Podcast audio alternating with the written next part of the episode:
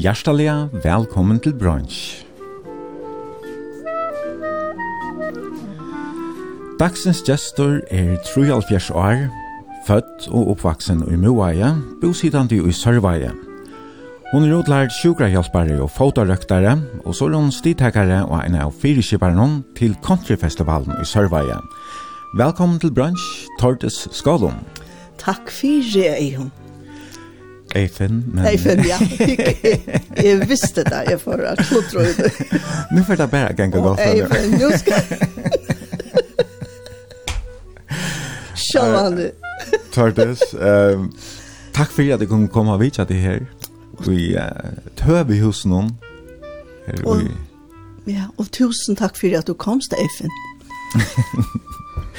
ja, vi, uh, vi sitter her i stovene, Vi hos noen tjatt her tøvehusen som det var røpt, nere av Stakka i Sørveie, og det er helt her nere vid, vid fotballsvøtlen, vi sutja utjøkken vinda her, nekker smatranger som spiller dist, jeg vet ikke om at det er, jeg halte at det er, nei, la meg ikke se, men at det er, hva, hva er det fotbollsfellet her? Uh, Vester. Vestor. Nålsja Vestor, ja, ja til vi tøy. Og atanfor husen her, her er et størst speleplås, og her er en dag en paddler som blir brukt av countryfestivalen kan hjärtla? Ja. Han blev først kallad för spontanpaddlor, hur vill det jag han kallas, ja. Ja. Här är, här är mengt og kvæt. Mm. Här är söndagsskolor och allt annat som är å framføre. Så det är ja. virkelig hon har lite där. Ja, ja. Och det här är mitt av festivalen, är det inte det? Jo, det här är, jeg ska si, av festivalen er det som att Københavns håpene gærgen gjør. Tog hette stendet så mitt og som det kan gjøre alls. Det er, ja. Så her blir vel lov i her inne. Ja. Er det sikkert vært nekk kjent fast av gulvet? Å, her har vært nekk. Av ætlån, altså, nasjonen nesten, ja. Er det er en gammel hus, det er fra 1902, sier du, va? Ja. Og to og Maudun Torhalvor, ja til kjøpte det jo i 2005, alltid du sier. Ja. For en slik? Ja, og det var ikke nek. Nei. Men uh, vi kjøpte, eller vi, vi torfen, ha? vi torfen soneren, den eldste soneren jeg var. Vi kjøpte den mer til han, så tog han er alltid være, han var deivor, og, og her, så vi skulle lære han at være ensamhandler. Ja, husast. Ja, at ja. husast ensamhandler. Mhm. Mm. Men så lars blei det så ikke. Nei. Han er bare gifter og ei badne der og lever ja. i en ørenhus, så han, tog Ive tog jeg. Ja, yes. og han klarer huset selv. Ja, tog jeg bedre. Mm. Toralvor, han døg tyverre 2 år 18 år, Ja. Men du så bor her sammen vi uh, onkelen av bøtten. Og, ja, ja. Sånn min hever vi, ja, han bor her sammen med konen Kjassar. Ja. Og jeg begynner vi tar hun kom ur Filippinene. Mm -hmm. Ja. Ja. Og så har du eisne bøtten her oh. i det. Altså, te, du er tre bøtten, og det er bygd her i Sørveia. Ja? Altså, jeg føler meg så rykan at her var alle bøttene i Kjamar, og alle ommebøttene utan bare en. Mm. Han er nyrre. Ja. Resten er her i Sørveia, så jeg føler meg unaturlig rykan. Ja en ekvelig honalig hus, altså som sagt det er gammel, men allukavall så er det jo eller gammel stand og her er fjallt og heit der inne, og jeg vet at du omvalde deg, ja, ja. ja jeg helst det gjerne at du forteller at det kostar bare holdt 3000 kroner da de kjøpte det, ja. ja. ja. men, men så at du sånn du brukt, sånn du bare deg og, og, og sette stand. Og vetsjen er her um, ut mot, altså, innare vetsjen er, eh som vänder ut mot och där vägen. Ja. Tär tar så tjocka gamla ut men det är allt nytt ser du. Ja, tär tror jag att jag vill det tar vill det tar så kört av tär vill helst ha att vi är en loas och han Gus Simon ja torska är så så. Jag säger nej, jag vill dra upp på en vägen. Då jag vill ha att det så tjocka gammalt ut. Ja.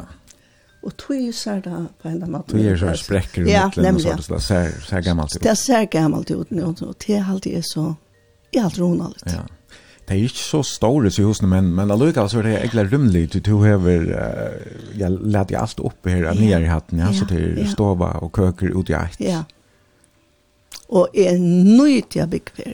Ja. Og jeg trykker at de menneskene som äger åtta husna är minst nästan till vår friali. Mhm. Mm jag -hmm. hör en såren frier i husene. Ja. Man blir ont att säga att han tveit imiske imiske ljev i en gamlon husen. Ja. Her er ikke er frier. Ja. Ja. Her valda frieren. Ja. Det virkar hos vi, altså, nu, nu du skift vinteren ut, men her sprossa vinter, og ja. det er den gamle støyleren, og, og nek for gamle møbler, her stemt jeg skrivarbord, her vi synes. Ja, det her er hundra og kjøtt halv fjersar er gammalt. Ja. Hver... Uh, jeg kjøpte den i Danmark, ja. Ok. Ja. Og hadde jeg stendt her i vi hatt er fra en noen, en noen, en er, en slags, ikke slott, men en herskapshus i vi tønner. Og hatt er i hundra år. Ja, hva kallar man hatt er en sort spekkel vi, eller kjattol? Hatt er her eier forresten av standen i en kamer. Hatt er en sånn kjattol. ja. Men det passer bare ikke opp på loft. Nei, nei, ja. Nei, men egentlig, hun alt, her virker som om her er en salig hus noen også vekna alt igjen. Åh, Och så är en trappa upp på loftet ja. och här är kommer två rum. Ja. Ja. Men det byggt är nästan på i så dörren och är bärvelse kommer jag trappa. Ja. Det är när med den till eller jag du vet sen vi sökte om att få vara lov jag ut tjut här. Ja. Så men det har bara harmligt att han får. Ja. Och att han var sjuk och alla tog eller ja. Ja Så han fikk ikke ordentlig Nei, det han at jeg gjør alt selv. Ja. Han tog det til hendene som ingen annen altså. Mm. Så det er ikke et år. Men Tartis, vi får prate om mengt og kvæt, og så får jeg deg at folk har en kaffemån og to dekker opp gjennom veldig lekkere bransj her i morgen. ser ekla gott ut vi öll mellan gå om och döttrarna bäcka kärke är snä så. Ja. Alltså vi rör allt jag ser det skulle ikke gjøre några på fjol till lustaren som skulle till til brunch till til brunch jag kan utvarp lust til lustaren men uh, det så här och metaliga läxte ut så det var ju nästan att falskare heima få seg här sånt där kaffe i koppen og och för att nöjda løtene sammen vi kom till vi det en näck i mest. Ja. Och hon å prate om. og så färra vi själva det är som spelar tonlike. Og jeg har hørt omkring nevnt til country-drottningen, så jeg var ikke iverraska over iver at du får ta velja nok snakk om country-tone-like. Men hvordan har du annars selv, har du da vi tone-like spil, du, synger du? Altså, jeg damer er utrolig godt country, men jeg damer er ikke alle er hans uh, tone-like, altså, det må jeg si, altså, det er ikke noe som bryr av seg mer. Mm. Selv det der er her musikkeren og det, det er jeg vet ikke, jeg finner alltid en eller annen, et eller annet godt, vet du. Mm -hmm. Lukka som en menneske, altså. Ja, det er ikke, det er ikke sjankran. Nei, nei, jeg behøver ikke, men country har alltid vært mot, altså, det har vært mitt punkt i min liv, fra at jeg var småjenta. Mm. Hver bare kjenner komme hjem, vi, vi, vi kontraktøren her i Kanada og æres landes, altså. Det har vært, ja. Og du har platspillere eisen som ung? Ja, ja, åtta nekva plater, eller du fick ja. ganska, arbeid ganska mer fra syskon. Det, det er helst fra yngsta bætjan, og han, mm. eller ja, han, han käfte jeg sa det, en han, det var lukka som en sån raybox, eller så, som han så, ja, ja. En sån platspelare, ja, ja, jeg minns det väl, det var man lite låt ju upp, så var hattalaren var i låtsen, ja, ja, det var, ja. Ja, ja, alltid arbeid en sånn, fra pava, men smart runker. Men du er jo yngst av uh, åtta syskjon, Ja, mm. ja. Så du er sikkert uh, kunne langt plater fra, fra hinn og næsene? Uh, det var ikke så, det var mest yngste bætjen jammer og jeg, altså du vet, okay. ja. Som var og... Det var mest loik eisen, kanskje? Ja, men så tar bætjen som nu bor ute i Kolvaløy, han hever eina utrolig rødt eisen, altså han synker nekka som, altså, Jim Reeves. Mm -hmm.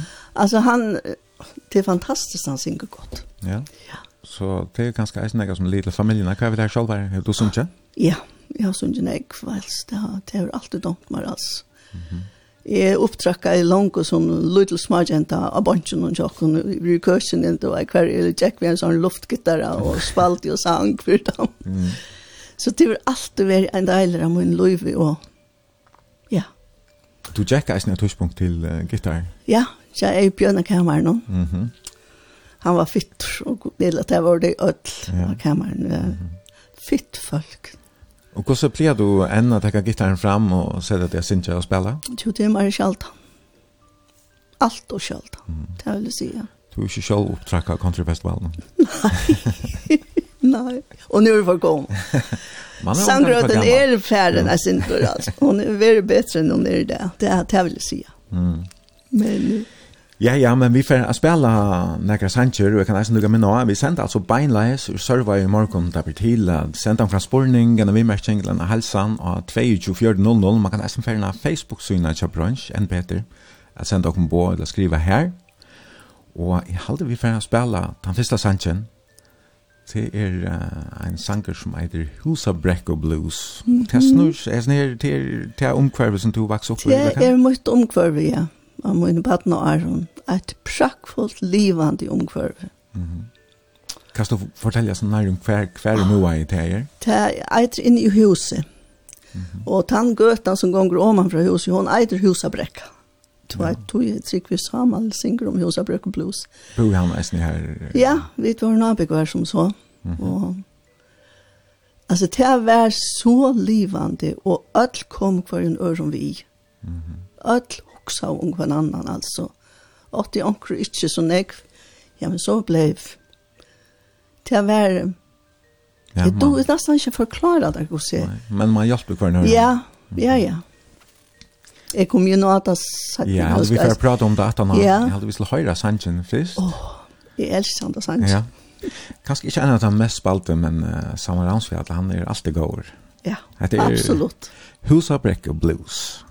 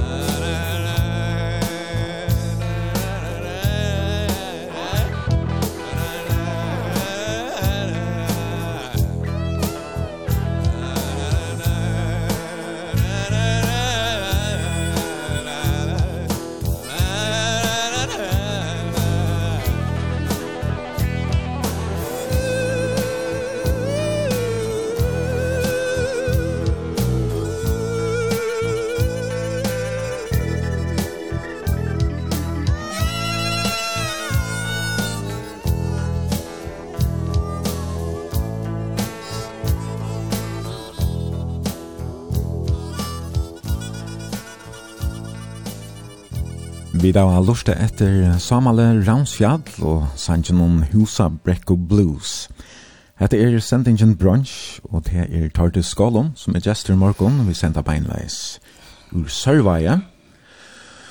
Men uh, du erst annars ur Møveie. Ja. Her er min opprone. Er i heile Møvengur, bæg er foreldrene, mamma ble um, født hjemme i kyrkjær, som det kallar av paddelen. Og pappa ble født opp i Jansakir. Så her er mine badna kvarter i Vremjoaie. Og pappa og teg tar Arne Eble så til så flyttet det inn til, nei, inn til inn i huset. Mm -hmm. Men hvis vi får langer etter tog inn, ja. så, så, så stedet ja. du uh, omkring helt ærest. Ja, Det var uh, Vesterbæk, en, en hollandsk skånart som kom av land, eller ja, som Lurendia land i, i Sumpa halt av her. Og her var det alltid en halvfjerdsmann som bor. Og nå tar vi om Årskall. Uh, Seitjan, hva var det, 24 eller også? Seitjan 124, ja. ja. Så til ja. lengt attor, og den ene av dem, han kom så Vestervånar, til Sigvir flere, men den ene kom så til Jansagera. Ja. Og her, og her var det arbeidskona. De er så blevet vel, mm. og hun er blevet ved baden. Mm -hmm. Men, uh, men hon vil, nei, han ville gjerne hava henne vi atter til Hollands da han skulle fære. Men papi henne ville det ikke. Okay. Så jeg hadde bestemt det søtt at hun fikk, da han så for å sted atter, så fikk hun uh, bøt, Ja. Jag fick en båt på pengar alltså de skulle betala. Tror jag var blev på vägen. Och jag skulle i allt cirkulit. Men det som är han var av jötska jatt. Mhm. Mm så jag har säkert en av DNA här nere i Israel också. Ja. ja. Men det är så alltså inne till pappa då någon eller mamma? Ja, pappa ja. Mm -hmm. Ja. Så det är nog så spännande alltså. Ja. Nu, nu har vi ikke lyst sånn, men jeg vet at en bøk kom ut om det i 2020. Ja. ja. Du er ikke vil kanna genene, ikke der? Ikke, nei, jeg må fære. Ja, fint. Ja, eldre ikke der, papdun, han er Esma Johansen, ne? Ja. Og mamma dun... Uh, Tyra. Tyra. Ja, Kyle, Kyle, ja. Og det var bæger må jeg sitte. Ja, mm -hmm. bæger tvei, og de kom sammen helt ung.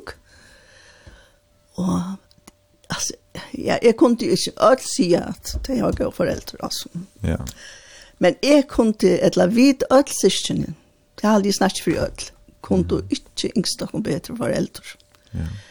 Pappa var en en otroliga raske med Han silti allt sitt liv. Och det blev sagt om han att han var en ordentlig fiskeklägg alltså.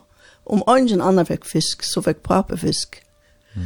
En gammal med var älsam för att fortalde för mig. Där som jag arbetade och så, så, så fortalde han om pappa. Att uh, en unge dronker kommer vi, ja. Och vi är som kipen som, som han var vi. Och, och så säger han vi pappa, Hva spør jeg til, Esmar tog farsan jag var en fisk. Pappa ser så en, en patron ligger nere i däcken en så har en så papp rundt han om eller så, du vet, ja. ja. Mm -hmm. Så sier han, vi er en unga drøngen, han, var, han spøyer i alt, og mm. du, jeg bruker ikke patroner, patroner står han. Og køyret og på kråkjen, blæka det ut, og kvært en av de største tosken hun tok. Hetta la som gamle mer blant i etter, du, til han tar helt av det, så stått litt, mm. papet ble sjálfur klokkur, da. Mm. Mm. Han skulle bära allt all ut sin spöj vid sin unga drönchen och alls. Och så rika jag? Rika jag. ja. Så, ja, ja. Och det sa du eisen om om mig och Jansa Kjeri. Hon var, hon var alltid tann som det för efter att det skulle kvö. Hon sank otroliga gott. I halt ett, ett, ett eh uh, danskar kom upp ta fyrst fyrst i nei, 1900 alltid, det ja. Mm -hmm. Så kom der opp, og da der gikk så mye vei og spurt, og der tok bøylet og sånt, og spurt hva kom du vel sinne at du ikke skulle ta opp på eisen. Ja. Og så satt der ferie, og de ansatte Nei, om man kom... Uh, Nei, ikke Jansager. Ta var hun ung, ja. Hun, hun bor nere i... Å, så skal det bort. Ja, Samma ger Luca Miche. Det var så fär, ja. Och sisten som som går och soliga väl. Mhm. Och ta klipp alltså vi tar var en människa som arbetar han han gör så klipp av en kvar du hör han i några sekunder alltså det vet. Mhm. Som tidig upp en lack lackplata kanske eller så. Ja, säkert. Men du var det yngst av åtta syskon, ja. og det var 20 år mellom te og så äldsta badjan. Ja, ja. Hvordan var det, uh, så, så er han sikkert flottere hjemme hjemmefra ta, ta to oss maten? Ja, vet du hva, jeg er, teg, han ble så forlovet vår, og jeg halte først født, at han først født hon, ja, hon er, jeg vet ikke, tvei år yngre enn jeg, alltid, mm. lukker ut. Ja, dette ja, ja. til hon. Så jeg er faster og moster ja. til uh, nek som er, du vet, mm -hmm så jeg er bedre viner vi mine, som er fast og moster til enn endelig av mine, mine, mine syskjen, altså som så, men ikke tog vid videre. Men du nämnde annars att tid tid var øyla tatt här i grannland och for för og, yeah. och og bøttene spalte nästa eisne. Ja, Otroligt altså vi var alltid alltid samman. Allt tog och satt ni isen ta i för havnar, jeg kom väster kvart etter eneste sommer. Altså, vi spalt og ødel sammen, altså, vi var og jenter og dronjer, vaksen folk og, eller vaksne, ja. Mm -hmm. Vi spalt og ødel sammen. Samtidig her med han, han har alltid vært spelplass. Altså, jeg sier det, vi tatt og spelplass fra Sanden og Nian Trøhammer og inn av kajene her i Fiska i Sai og alt annet. Og jeg minnes vel at jeg ta i fiska sei, altså, vi elskar og helst ta, ta vi fingo ta som kallar koltersei, ta var så store, da, ta kommer koltre, ja, helt du vet. Okay. Og jeg minnes så godt at um, vi tar en prest da, som er follend, og at jeg platt jeg ikke for ensam, vi, vi seien igjen til det, Kitty og han, mm -hmm. at jeg hadde må sei, og da jeg så ble konfirmeret, da fikk jeg en bibel fra henne, tar sett det för att han säger du gav okkona. Ja, ok. Det var så fitt alltså Det var, han var en fitte med for. Det var han. Du, Men, du har resten av när du har vidt att at ut torv, eller genget torv. Ja, ja, ja, ja. Vi får några kvojandel. Og som, som Jens Eli har sagt noen, vi drukker røyk til en skrivaren. Mm -hmm. Og det er ikke en gang lignende. Drekker han smak, smakker jo røyk, altså. Så vi gjør det på alt. Og på Abbe min hem kyrkjan, han er en av sånne kreg, som det kallar, ja, til at det går med torvi i mm -hmm. når jeg kujandel, ja. Så her svalt og vit, og det er vi får nye noe i Nian Bjørklund etter lykkeggen og sår som så kåka, og vi spalt i ånne, akkurat som sangren til Jens Elier. Ja, akkurat det samme, ja. Mm -hmm. Det var så honalig skal jeg si der, og så vi får øtlen år. Mm -hmm. Så hørte vi det altså brei og sår vi åkken. Du fortalte meg, Joar at, um, og du visste meg armen så där. Yeah. Att uh, du körde kassabil som småjenta och och blöt armen och, och ja han är han är faktiskt en skyver Ja, nämligen. Alltså. Det var jag, jag var sex år gammal jag och en underjenta. Vi hade alltså en drong batje henne er akkurat finnes en nutjan kassabil ur, ur England på appen er kjøpt Og han var en av de finaste i bygden, altså. Minst han var reier og ordentliga flottor alltså att de åt ödlen in och kassabilen. Vi dött så tidsan ur. Och var farnar ovast av husabräcko och alla vi oman efter och tar vi kom oman ontor handlunja Daniel. Ta kom vi nyr i en sånna hål Och Daniel levde steg och hukt och han fortalte och natten han att är det var en sån farstor och att är rejk fram om hina jentena. Okej, okay, så du satt 18 för Ja, jag satt 18 för. Ja. ja. Eller spärje han och låg mer stor men Så du flej fram om ja, och och knuste mig armen. armen ja. Tog i. Och han är stadigt skaj för oss. Ja. Ja. Ja, det snackar man också om men nu då du Ja. Nej, nämligen, ja. Så, så ser man det. Ja. Och det var ju inte Hissen när jag kom av sjukhuset, alltså du, Jeg tjekk nian, og jeg, jeg aner ikke hvordan jeg nian kommet. Mm. Og jeg minnes det, så ta var han ikke lagt ned i vaven akkurat da. Så lagt ned kommer ur Vestmanna. Mm -hmm. Og jeg minnes godt, jeg la opp i loften, og han leia seg litt. Mm -hmm. Han kleila seg om han. Og man ivor, og høtt i hamar, og så fikk han akkurat dråpar, du vet. Jeg minnes at så er jeg såna vekk, og med han sikkert undersøkt armen. Og jeg minnes det at jeg sa, danser til sveim oppi under loften. Mm -hmm. Jeg minnes det godt, altså. Og dagen etter så får jeg til havnar, pape ved Vestlei, ja, eller ja, ved Vestlei. Alla en Ja, og her var jeg en heila måned. Mm -hmm. Til, og nå slipper jeg hjem på en av veien, der ja, ble vi, ja. Og var det gipsa og så ja, heim? Ja, nemlig, ja. Og hva var det du vidtja i det så henne i mannen du la her? Det var ikke nek, det var ikke så velferande ta som det er det altså, men men jeg minnes det at uh, mamma og pappa kom hjem uh, etter meg eller, ja, til havnar da jeg skulle hjem. og ta silte pappa ved Værberg og han la seg ved kai og jeg minnes det kom ombord med mamma og pappa. Og jeg med over han sette gjerne større erstjo av båret Tors et nå sier han, Mm. Og kort låtja og hetta prakkfull og keksenar, middelenla keksenar, er elsker der enn.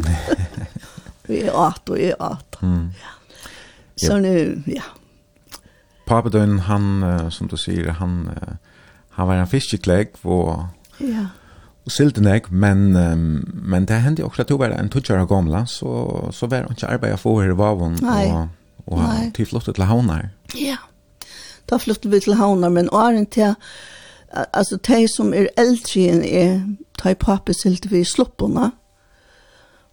Det var ikke penger heller ta, og de pleier å fortelle om, jeg minns det så ikke, at han måtte det genka, han silt vi sanda hos batene, eller sloppene. Jeg tror ikke reier har haft noen penger eldre, men det er hatt forretninger, og Og det uh, sysken som man måtte genga inn til Sandavoks er kjeipa, og i kæva råkje øtlun, bare petroleum og alt annet, altså, så det er vi streve loiv tjadam da. Mm -hmm. Men god til tæv lovet og et heim som var, altså, jeg, jeg minnes bare godt, og det er oftast det som man gjør. Men kårene var det som du trånka? Altså, det var det, vi tatt, det var det hus som vi ser. Ja. Ja, Og hver og, og, og, og eldste bætjen kom inn ved kono, og, og eldste systeren kom inn ved manne. Og det er åtte det om det, en oppi av loften og en i rundt, og mamma er med, eisne. Så det har vært, altså, men her som huser om er. Ja. Eller hjertet om er, her eisen huser om er. Og her var virkelig hjertet om, altså. Men hur så vet det som tutsjer av gammel at, at uh, skulle flytta til havnar? Det var jo noe helt annet. Det var utrolig spennende. Det var jo, ta var jo, det eisen ferden, den eldste bætjen vi familien så var, og eldste systeren som var eisen ferden så var til havnar. Jeg bygde Så det var utrolig spennende altså. Og jeg har alltid vært en sånn utadvendt, fotle fantasier, Og så er helt av det deilig. Virkelig deilig. Jeg kom så gang i kommunskolen nå. Praktfull skole. Ja. Ja. Her først og så i triaflokka. Ja, tre eller fjord, alt jeg har ja, herom. Mm -hmm. Du fortalte meg nesten at du først gang til er her nå. Ja. Her var det skåte, gravskåte og juniorsoldat eisne. Mm Og her var en, en, en, en, en normauer som er smellrør, han sang nækka så fantastisk, altså. Jeg minnes at altså, det kom bare lust etter hunden nesten. Mm -hmm. Men han før så atter til Norra, og nå senest når jeg fikk samband med han. Han fikk samband, ja, mm -hmm. av Facebook. Så oh, ja. vi da skriva sammen. Okay. Men han er akkurat det i nu kors igjen. Okay. Fytte med over, for jeg synes her var et deilig plass å en i. Mm -hmm. Men så kom der ærer interesser, veist du, da man ble eldre. Ja, men du uh, fortalte meg nesten at du lærte å rockna da du uh, ja, det var kom til gangskolen. Det var en som er at uh, Olsen, en, en lærer oppe i kommunskolen, der høtte utrolig gode lærere oppe akkurat da. Ja, men lærte du ikke rockna i Moa, eller hva? Nei, jeg har jo ikke lært jeg var ikke så nevnt til råkning som lesing, altså, du vet. Så jeg har ikke fyllt vi på samme måte. Og nå plutselig så kom jeg i dividering og alt sånt på talvene her, og jeg satt bare her, og så sier han, tar du skvur råkna du ikke? Jeg sier, og og jeg har alltid vært, du vet, jeg sier du ikke. Så han var et stas, han sette seg inn i en nekong frukvarteren for å lære meg å råkna. Mm -hmm. Så det, jo, jo, det kom så gänga bättre. Mm, ja. Jeg har alltid nevnt det at, at det bor i, i gamla Danmark. Ja, ja, at, ja. Og så sett gamla hospitalen. Ja, snedet nok, ja. ja. Hver, hver gamla Danmark, hver i havnen, vet jeg? Det ligger jo nere i Grönkamparskott och bankte i husene, det litt du ser bant ut av vonna. Du vet, okay. ja, herlig. Ja, ja. Mm. Jeg halte kvöld og lokkstyr til, ja. Ja, glittner. Ja, lokkersåret, ja. Ja, ja. ja. Men um, ja, du till var så i havn i halt flott västra att det var 16 år och så här är ni i havn här runt då sen drack förjon till um, arbete isne. Ja. Jeg arbeidde i Øyfus ikke, ja. Jeg var jo i fyrst, og jeg var bakalavån og jeg var i, i, i, i telefonstøyene, tjekk vi boven. Mm -hmm. Og så var det såleis at, um, at, at um, jeg var i første åttende klassen, og så ble jeg i realskolen. Men jeg gav noe kjøtt, og vi tatt samme bøker som vi kjente klasse alt, jeg mye minnes rett. Så jeg får nok så kjøtt, det var flere, ja, og dronjen for chips og sånt, og Men så en dag igjen, da bor ut ute i gamle hospital, er som siste min eisen bor ut den eldste. Så en dag igjen, vi står fremme for vinteren. Nå kommer frukken Kår.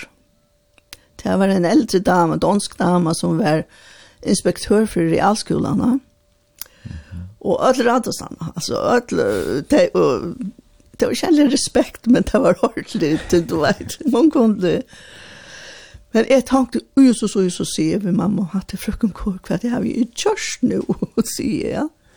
Men hun bekker på, og spyr om det her tar til spyr. Ja, sier mamma. Ja, om jeg ikke kunne komme og være arbeidskone til oss her. Og, og jeg, og, altså, du, jeg stod ordentlig, men mamma, ja. jo, det kan hun godt, sier hun. Så jeg heim til frukken Kår, mamma kom vi med minst det og... Jeg har jo hørt om frukken Kår, hun heier. Det har vært øyelig respekt som verden blant om henne. Forferdelig, altså. Det er det. er en strøm av damma, eller hva? Strøm? Ja. Altså, du du tar det ikke smulas nesten, altså. Du, Man tar det ikke, man gjør det alt som hun sier, altså, alt. Og jeg vet ikke hvor egentlig, altså. Jeg minnes, jeg flent i etter nekvån av tog, da jeg kom. Det første jeg skulle gjøre om morgenen, det var at fylla bægikar sjøyne. Og de som kjente frukken Kort, de vet at hun var lykka tjukk som stått, altså. Hun var en sånn.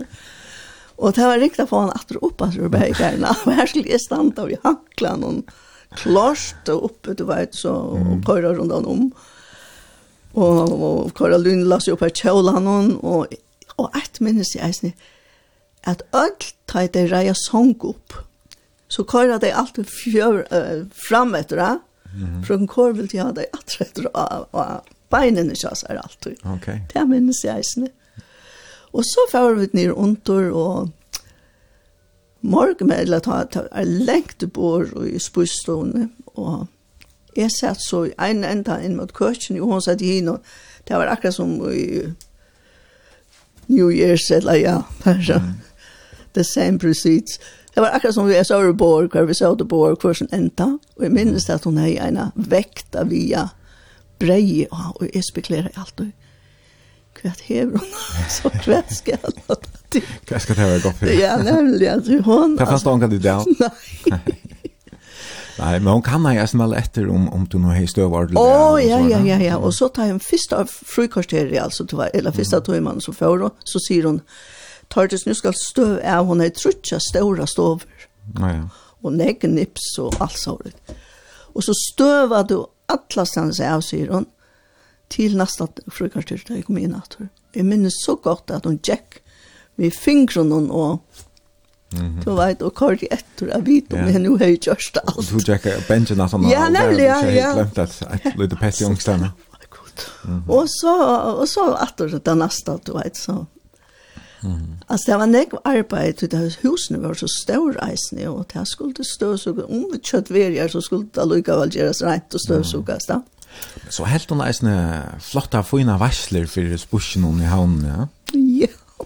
Så det, det var Ja, jeg minnes, toppene som møttes der. Ja, ja, og jeg minnes eisen at året så kort jo ut vi, vi, vi, hon, hon gav dem en vinfløske og et kost hver en bjøa i damene, og så skulle jeg genga ut til disse forskjellige. Vi innbjøring Ja, vi innbjøring. Så det fikk en vinfløske vi yes. innbjørn, ne? Ja.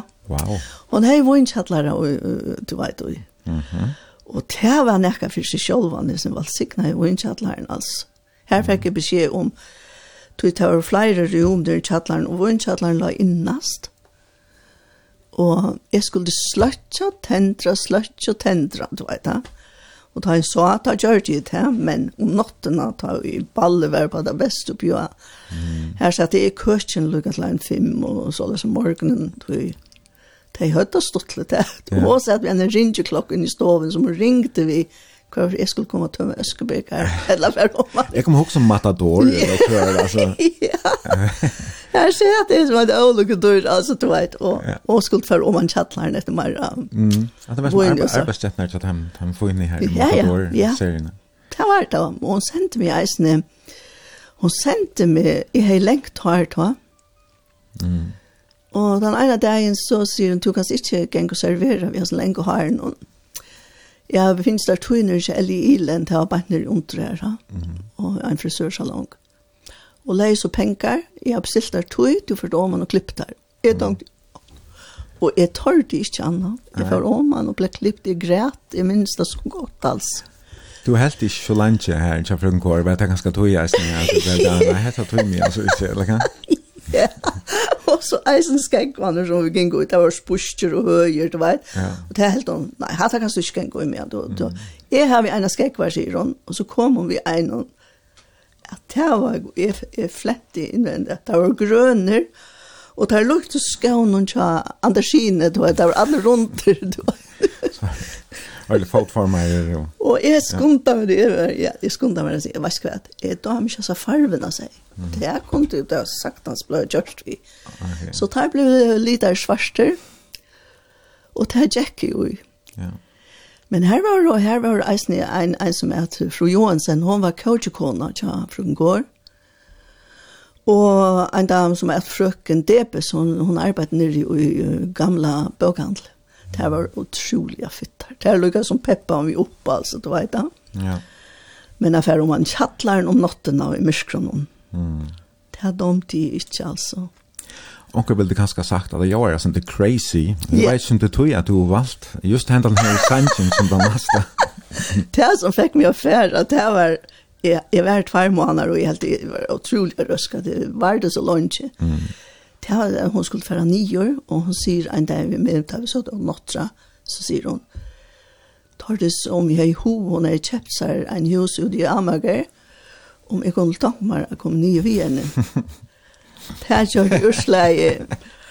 Og jeg, jeg minnes ikke at hva jeg sværa, men altså, ta, jeg, jeg minnes det for til mamma, og jeg sier, jeg vil ikke langt. Nei. Og det er helt mye å sko ut, bortan ikke være, det er helt det er ordentlig at du vet. Nei, nei takk. Mm. Tordes, vi har en nekv annan vi skal oh, prate om, yeah. og vi har en snakka sannsyn vi skal spela, vi har skal ja. spela en atrat, og du har valgt uh, Patsy Klein. Crazy. Og, ja? Ja. Patsy Klein, um, när fick du åren upp för henne? Oh, det är så länge sedan. Mm -hmm. Hon är en av de bästa alls, men hon får allt för tulliga. Ja. ja. Var det en som du hörde det? Är ta i ungdom, ungdomstiden eller kom det? Ja, ja. Och så, en døtter Valdmar og Tryggfer vi var i, som er Jan Lei. Hon hever opptrakka flere stenes, altså. Mm -hmm. Hon synger han så fantastiska godt, altså. Mm -hmm. Alltså det är så synd att ja hon ja, alltså jag har ångat det flätt så hjärtligt. Det är största komikern i världen i allt det hon. Fantastisk. Det där. Ja. Mhm. Mm ja, men uh, jag vist å höra Patsy Klein. Ja. Och Så kan du lukka med han, jeg vil sende altså beinleiser survey i morgen til Tordis Skalan som er gjester, og du er velkommen, til som lort her, at um, sende omkran spurning, når vi merker single denne helsen av 2400, eller enn bedre av Facebook, så som heter Brunch, det var B-R-O-N-S-J. Hette er Patsy Klein og Crazy. Crazy.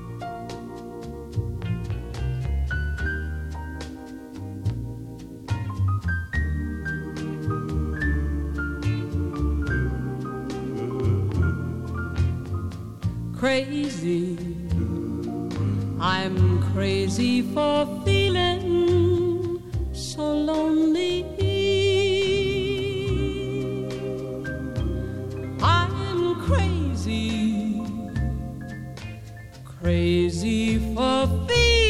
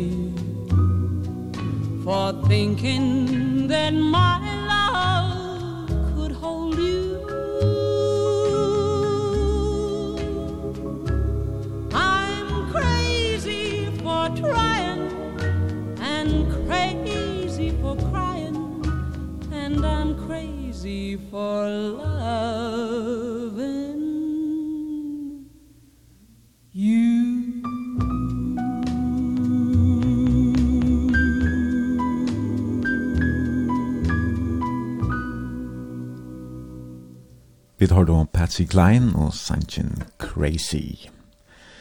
Jeg er til Skalon, som er gestor brunch i morgen, og vi sender beinleis ur Sørveie. Og nå har vi pratet sånn om baden og ærene tjater, og ja, du flott så til havner som tog kjære kom, og at han har kjære gå og ære mua, Mm. Så var det i havn, og her var du så i uh, seks år, så du fikk eisne lukka byrjan av, av ungdomsåren vi vi havn. Mm Det var så hørt som at uh, Genga kom til Taruinon og oh, Sjønlagerhusen og Klubban och, ja. och så hørt. Lurt et Fairboys og så hørt. Det var en god tog i hestene? Det var en prakkfull tog. Jeg gav av vedkunner og så hørt det. Så jeg da jeg kom vestra, det er langt til slukka som sora til havnar, altså vi tøttet det så stått litt alltid. kom en eksamen og Mm. Var det ångat på tal at du kanske ble, ble vän i han där föräldrarna flott västratter? Nej, nej, nej. Jeg, här var allt för du vet, jeg var allt för till knutt till i alltid. Helst mammorna. Mm. Helst henne alltså. Men eh, alltså ungdomen i havn, alltså det, det var så det var så nekva affärer till her i havn alltså. Vi var reisende oppe i Låsjene for eksempel, og det, det var alle stedens affærer. Mm -hmm. Og du fick några viner? Ja, ja, jag har några viner. Mm -hmm. Men det så fort du så västratter och tog först över arbeidskjenta i Sandavai aldri. Ja, det minnes det jeg med å komme etter meg. Det var så moderne, altså for å vært arbeidsjenta som følt, ja. Det var helst at jeg var på veien og annan. Og så hos med han kom etter meg ved motorsykkel og minnes det. Og ma ja, ja, ja. Vi har kommit in och hjälpa till till kona var på vägen och hon skulle köta eja. Mm. Och det var akkurat det samma mamma säger. Ja. Så är jag motorcykeln, det sant var så jeg græt alle veien alltid. Du tar hver där så det det var ett annet med små och serva nej med och sanda och ta. Men jag måste säga att att det har varit nekker helt otroliga goda dagar. Ja. Så takk for Sandorsinga. Ja. Du er nek ekvi Atlant Trimon, eller de Trimon stora bygden här. Ja, jag føler, meg, jeg føler meg hemma i Øtlund Trimon bygden, det må jeg si, altså. Mm. Det må jeg jag säga. Och ungdomslövet här vestre var helt sjugal. Ja, Da var jo alt möjligt. Altså, nu sitter vi her nere ja. nere av stakka, Ja. dansestående på en sida men hun så här ekvilande. Hon ser ser det lite ut i det, men ta av liv i. Ta väl Louis og jeg har yngst till Louis kom och gärna tror vi det är en bølger som röna att att. Jag börjar svirjarna, tog vi vid halta at det här kunde sagt hans för rest upp att Men nu får det suttja. Ja. Ta vær hur så är ofta danser och nej vad kester i ni väster och så. Allt och allt och ballen i fasta lavsball og alltså det var så nekvas. Mm, biografer var det. Ja ja ja ja. Jag heter vi en artella nu jag ställer en av att um, att snacka är sin huset och att det gärna vill jag. Det pjør jag ger så flott. Det kunde gott at att Vi Holger Jakobsen kom en av in vi en häst inna. Mm det er ville vi være og salig og stått litt. Så Ja. Pjør ska vara så funt. Det ska være så svårt alt kommer ur. Og Holger han kan komme inn vid hesten. Ja, nemlig, ja. ja, ja, ja, men her var eisne biografer ta i tog inne. Så ja. Vi var var allt i biograf. Det Allt i. Meira Louis ju ta ganska ännu. Ja, och det sier ikke det är bara löret och allt som hänger enn inn her og maskiner stand der og alt. Ja tog jeg yngst at vi dreist og hadde hus i attor og som valmask ja, til der det ene som vi tar ut og ta. Det er jo godt vi har det. Det er som vi kallar det nostalgi. Altså, ja, ja. Det tog en, tog en fer vi øtlom ja. så alt, ja. Og biografer har det sikkert nok så ringt ut det. Det folk sitter hjemme og har ja. flotte ja, ja, ja, ja, ja, og surround-anlegg og Netflix og Viaplay. Og... Ja, det er sannhet, jo. Men du, uh, Jack Neko biograf som ung? Ja, også, ja, Neko. Det var några fittare episoder. Det var en, en, en, vi var ute, ute och hukt efter en film, en, en kruksfilm. Och här var och några många vi ju här med en bror, en bajtjemöjna. Och där hade det smakat sig då. Och så var det inne och i, nej, och filmen här var det tuskar som hade omringat en kyrkjö som allsmän var inne i. Och så minnes det att jag hörde bara i myskron och bajtjemöjna röpte. Det var bara gott kaka. Så han røpte, var Ja, men ikke anse etter til torskeren, litt utan vi røpte han herst, du vet. Han var ordentlig vi, vet du. Levde seg den løyfen. Ordentlig, ja, så er det ikke. Nei, jeg vet ikke, her var det, jo, jo, hette Sørvaver var lykke som høvestavren tar i Vavn. Ja. Ja. Tog jeg her var begravet. Ja, ja, og, og hente større dansstående og alt ja. annet. Mm -hmm. Så... Men tar det, du ble Du ble gift nok så ung. Ja. Jeg åtte mot første barn i Norge Trus. Jeg ble forlov, og vi gift oss så i halvfjers. Og... Mm. Han var servingreisende, Ja, Jadne. ja, han var sørvengre, ja. ja. Men det gikk altså ikke. Tog han verre, altså, med det må jeg si. Men... Hvordan vet jeg at, at um, få baden utan fyrir tjona leon, var, var det et problem? Eller? Nei, det var egentlig ikke problem, tjo. Nei. Nei det var et større problem at færre fra hverandre, Det var Ja. Nei, det ble ikke hukset så nek om da. Nei, de var sammen, de var gift i tjej her, ja? Ja, ja, ja. For fra kvarnur tjej her. Ja, ja. Så det var ikke noe som er så vanlig da? Slett ikke, så det var... Det var, det var ikke så godt, det må jeg si. Det var sanir på en da? Ja, ordentlig, ja. Og eisne tog at, at han har, eller ta, ta kom sammen med en som var nek yngre enn jeg. Mm. Men to og Bjarne, de finke jo nek bøtten sammen? Vi finke tvei bøtten, mm. Torfinn og Anno. Anno er fått uh, Torfinn, nu ikke trus og Torfinn, og Anno tvei alvjersa. Ja. Men Torfinn ble så, jeg hei rettlingar da jeg gikk vi, inn, så han hei største handikapp da han ble født. Mm -hmm.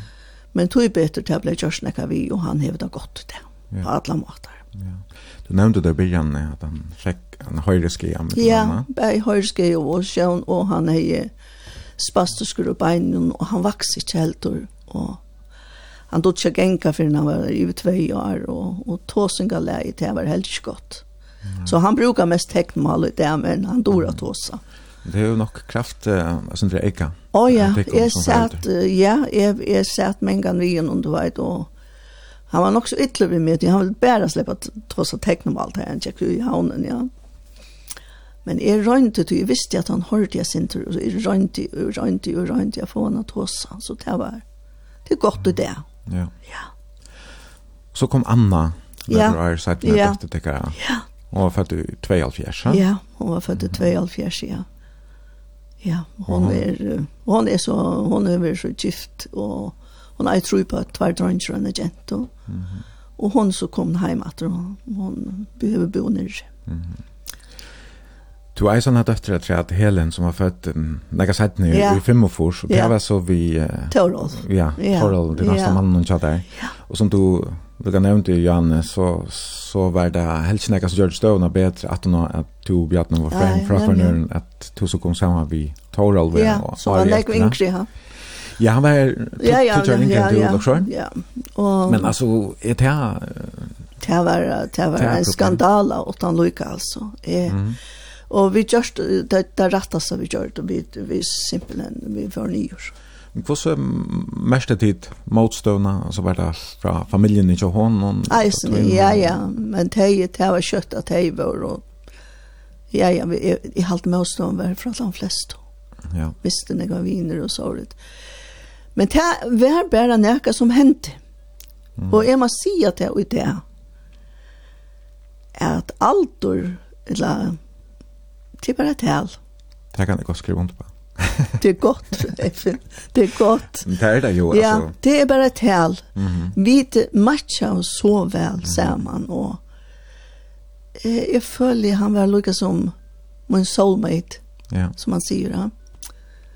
Og han var gøy på bøttene. Mm og lærte den jeg. Han var ofta han var ofta enn än jag följde i mänkan og tutta. Ja, ja. det var det som var. Men som folk är nesten fett gamla ja, och andra ja. å holde seg sig unga slöjda. Ja, det er...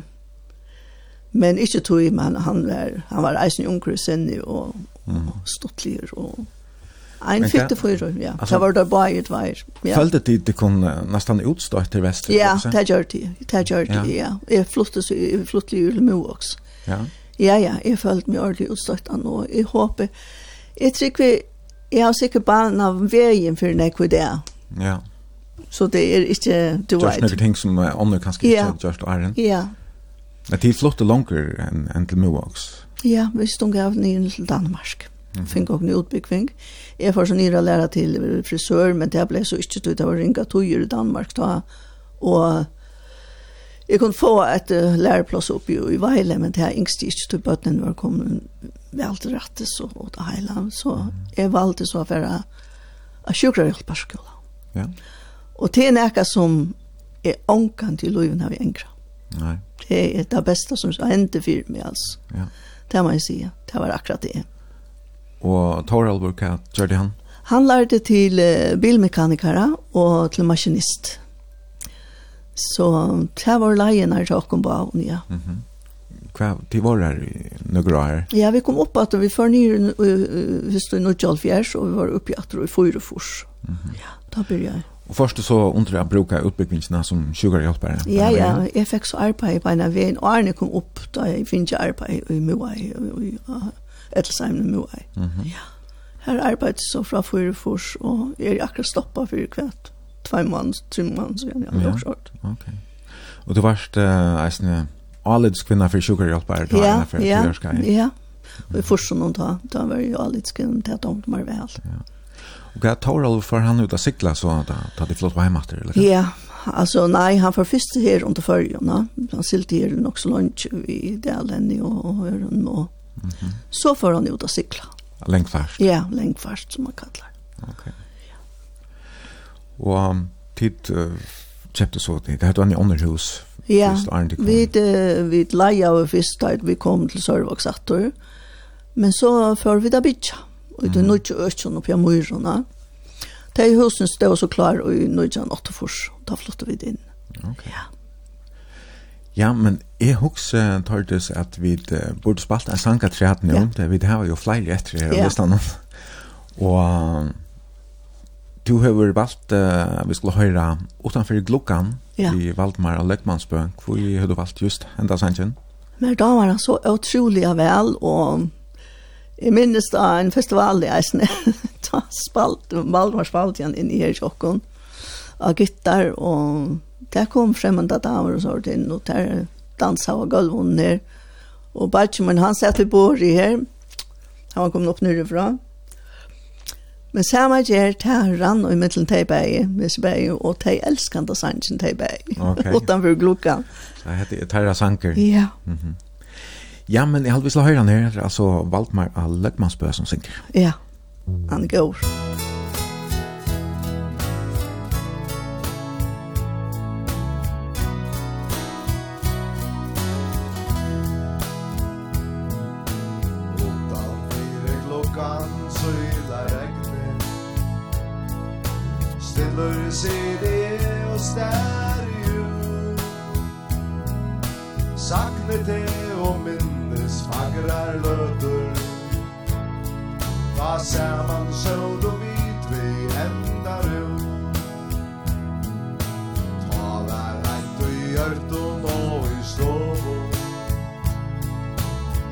Akkur Brandøy, agronom så heit Nu er øsk og kallt, det sier i eina Du er bordur, alt er loika feit Om det regnar ut i etla inni. Loika sælan søyer i vår mer Ogin er var med ein akar linde Finnes du ikkje av i til? Kom og elska ja, kom atur til mui Sendar i meil ring til mui nu i dag. Lantes det i kvann så illa til du Ver du kan skjera meg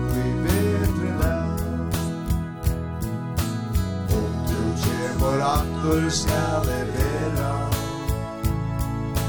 Her a lekvom atla er bestått Elska til kvann dagen fytta kjera Til du svevor søta basnar blått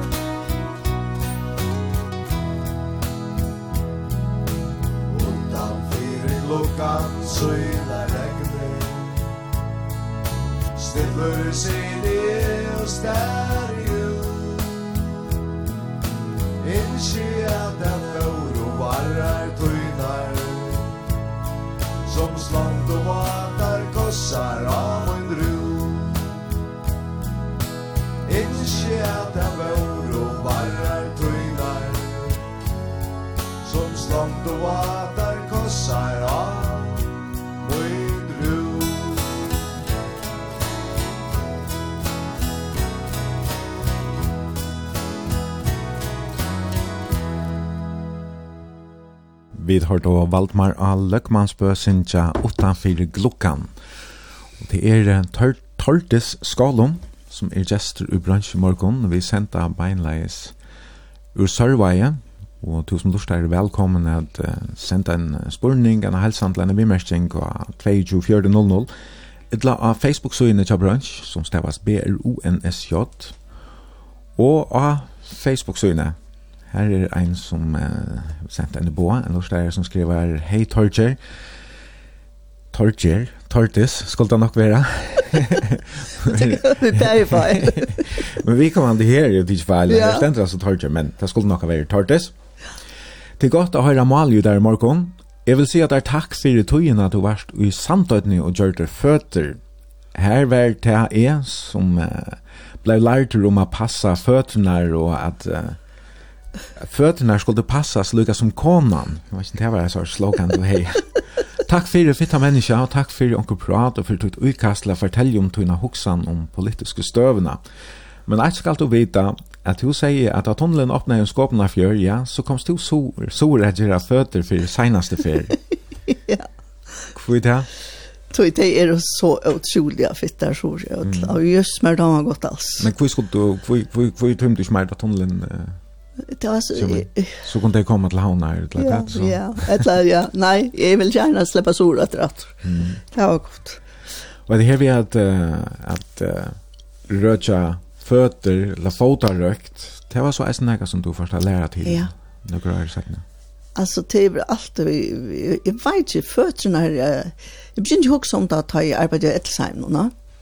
Ja. Om man gör fötter alltså att här kunde vi näka. Vet han näka som som de ja. eldre domte vel. Ja, ja, nemlig. Ja. Vi tøtt føderøkt en fra Vestmanna, men det nere i undra.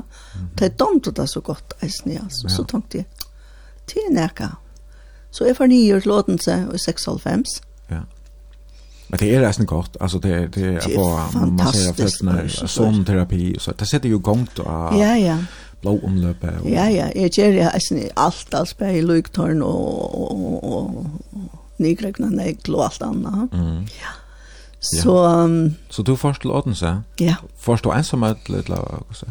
Ja, jeg er først alene, og vi, vi Helen, Helen er i Vimmar, og Anna, hun var og lærte nere ta han.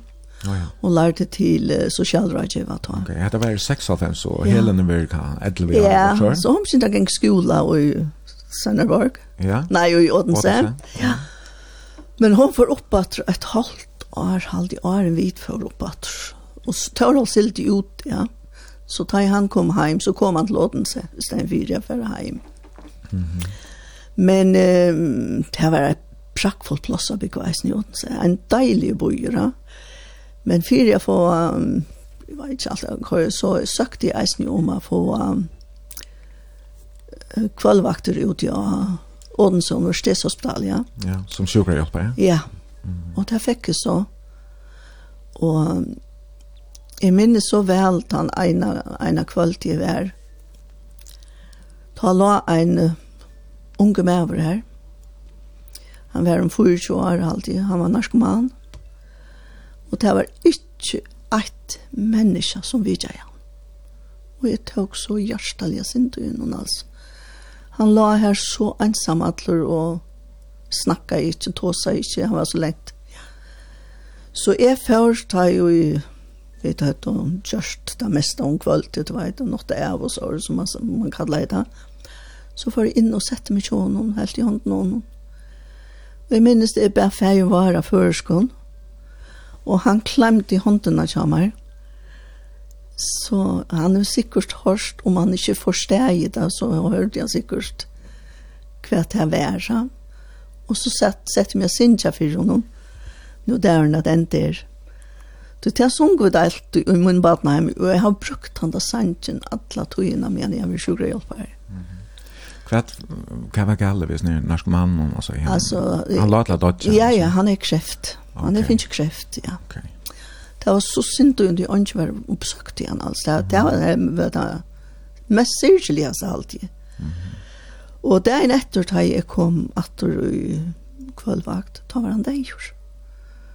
Og jeg ble så røpt inn til um, Ivi Sjukra-sistrene. Og da tenkte jeg at det var jeg nå kjørt.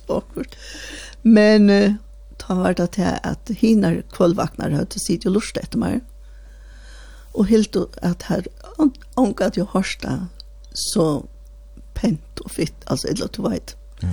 Tjejen og dødjante, så hun spurte meg om jeg kunne sitte først vakt til dødjante.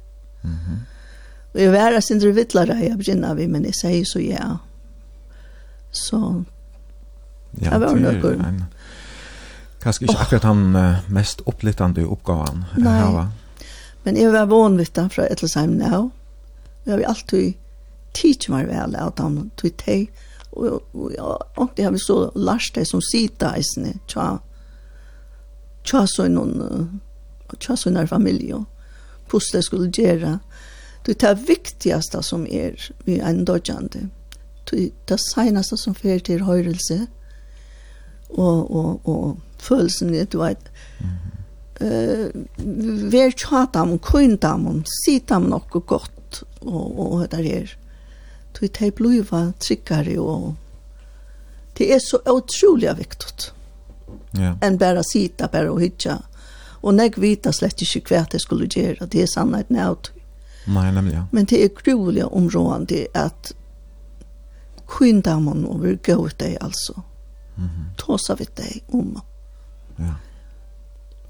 Jo, da fått det naturligt at, at, fåast vi just hentan parsten av løven om, ja. altså det er som er jo en naturlig parst av løven. Det er en naturlig pastor. Men det er som de aller fleste av kan skal røyna for trøntja ja. og ikke svima så vel å hukse om. Det er sannhet eisne, ja, og det, er så synd ut heimun, helst ikke unko, du vet, det er, det er lykka som røyna helst å slippe vekk fra det, ja, og jeg forstand det godt. Jeg minns første før jeg, jeg, vi tar kjent, det var 15 år gamle, en noen hus her ute i Sørvei, som vi var her, Det var eisen vi jo i. Ja. Ta sier ein som, som det, så var ein kona her i Sørvei som gikk rundt i husene hver år, det var onker Deutschland, ja, og lette i ui og så, lette i der i, kisten og så. Og ta be han med lette han i sokker og greien, ja, altså jeg glemte onker det men det var som min første opplevelse vi sa noen. Mm. Men, eh, men det er utrolig, utrolig viktig, og jeg har haft et annet av Etlesheim neisen er et opplevelse som er mer karst og, og det største opplevelse jeg vil, jeg vil oppleve ved en dødjande. Det må jeg si. Jeg var, det ble ringt opp og spurt om jeg kunne komme og eka vakt og om kvölde. Og jeg sier så ja, for jeg var. Da jeg kom inn i Etlsheimen så sier jeg at og jeg er eisende tu, så er vi et en fornekv jeg sier, skjøyta nå, jeg fer ikke heimater, og så søtte det vi med at ein la til at dodja, og det var ein som jeg var utrolig gav i eisne. Og hon vi med ha? mm -hmm.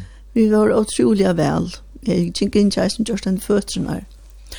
Men, eh, og så fører vi om han her som vi skulle arbeide, og jeg og trykk for en venninda sammen som vi tar over i alt, og som vi, vi byrja i Edsheim, nå har vi vært vel, Vi sett okken og finner okken en drekkamunna. Og jeg som elsker at det er kryss, sjaldan var i frat og altså, men plutselig så følte jeg, så sier vi trygg for, jeg er ferdig, jeg er ferdig om han til disse kona. Og nei, kom sidan og løtta at jeg sier nei, jeg er ferdig, og før så om han etter gongene, skundet meg benka i på, kom inn, og så ikke her, sida folk inn i, sverdøtteren, soneren og en omsån Reine. Og hun ligger sin tur av stedet og vi armen hun, og jeg så ikke ansikt i øynene at jeg var ikke ordentlig, du vet. Ja. Ja. Så man ser så godt av menneskene som ligger så leis, mm -hmm. om det ikke har det helt godt da. Og i foren noen av ja, ja, ja, ja, og ja. alle, ja. Så jeg tar også virkelig om han og kunne og lutte igjen, lutte igjen i øyra, gå hette er, hette tar til sige. Og her brukte jeg atter min sang, nu det er den der. Og jeg sang han speklen i øyra henne, og ta i spyrja på neste verset, ta sang sverdøtteren heisen vi. Og ta i vidt vår jeg a sinja, sanjen, ta var hon færsen. Mm -hmm. Og man så at hon leie armarna nyer, man sa hvordan ansiktet slattna i og alt. Altså, det var, jeg har ångat vært utfyrt og utfyrt, alt, ikke så leis. Jeg har ångat vært utfyrt en ring, og det at jeg skal sies, det er til stilleslig og... Ja. Men hatt var så snedt at jeg skulle komme inn ja. som nummer fem, og, og, og ferdig fra en drekkamunni, altså, det ble jeg ikke. Nei.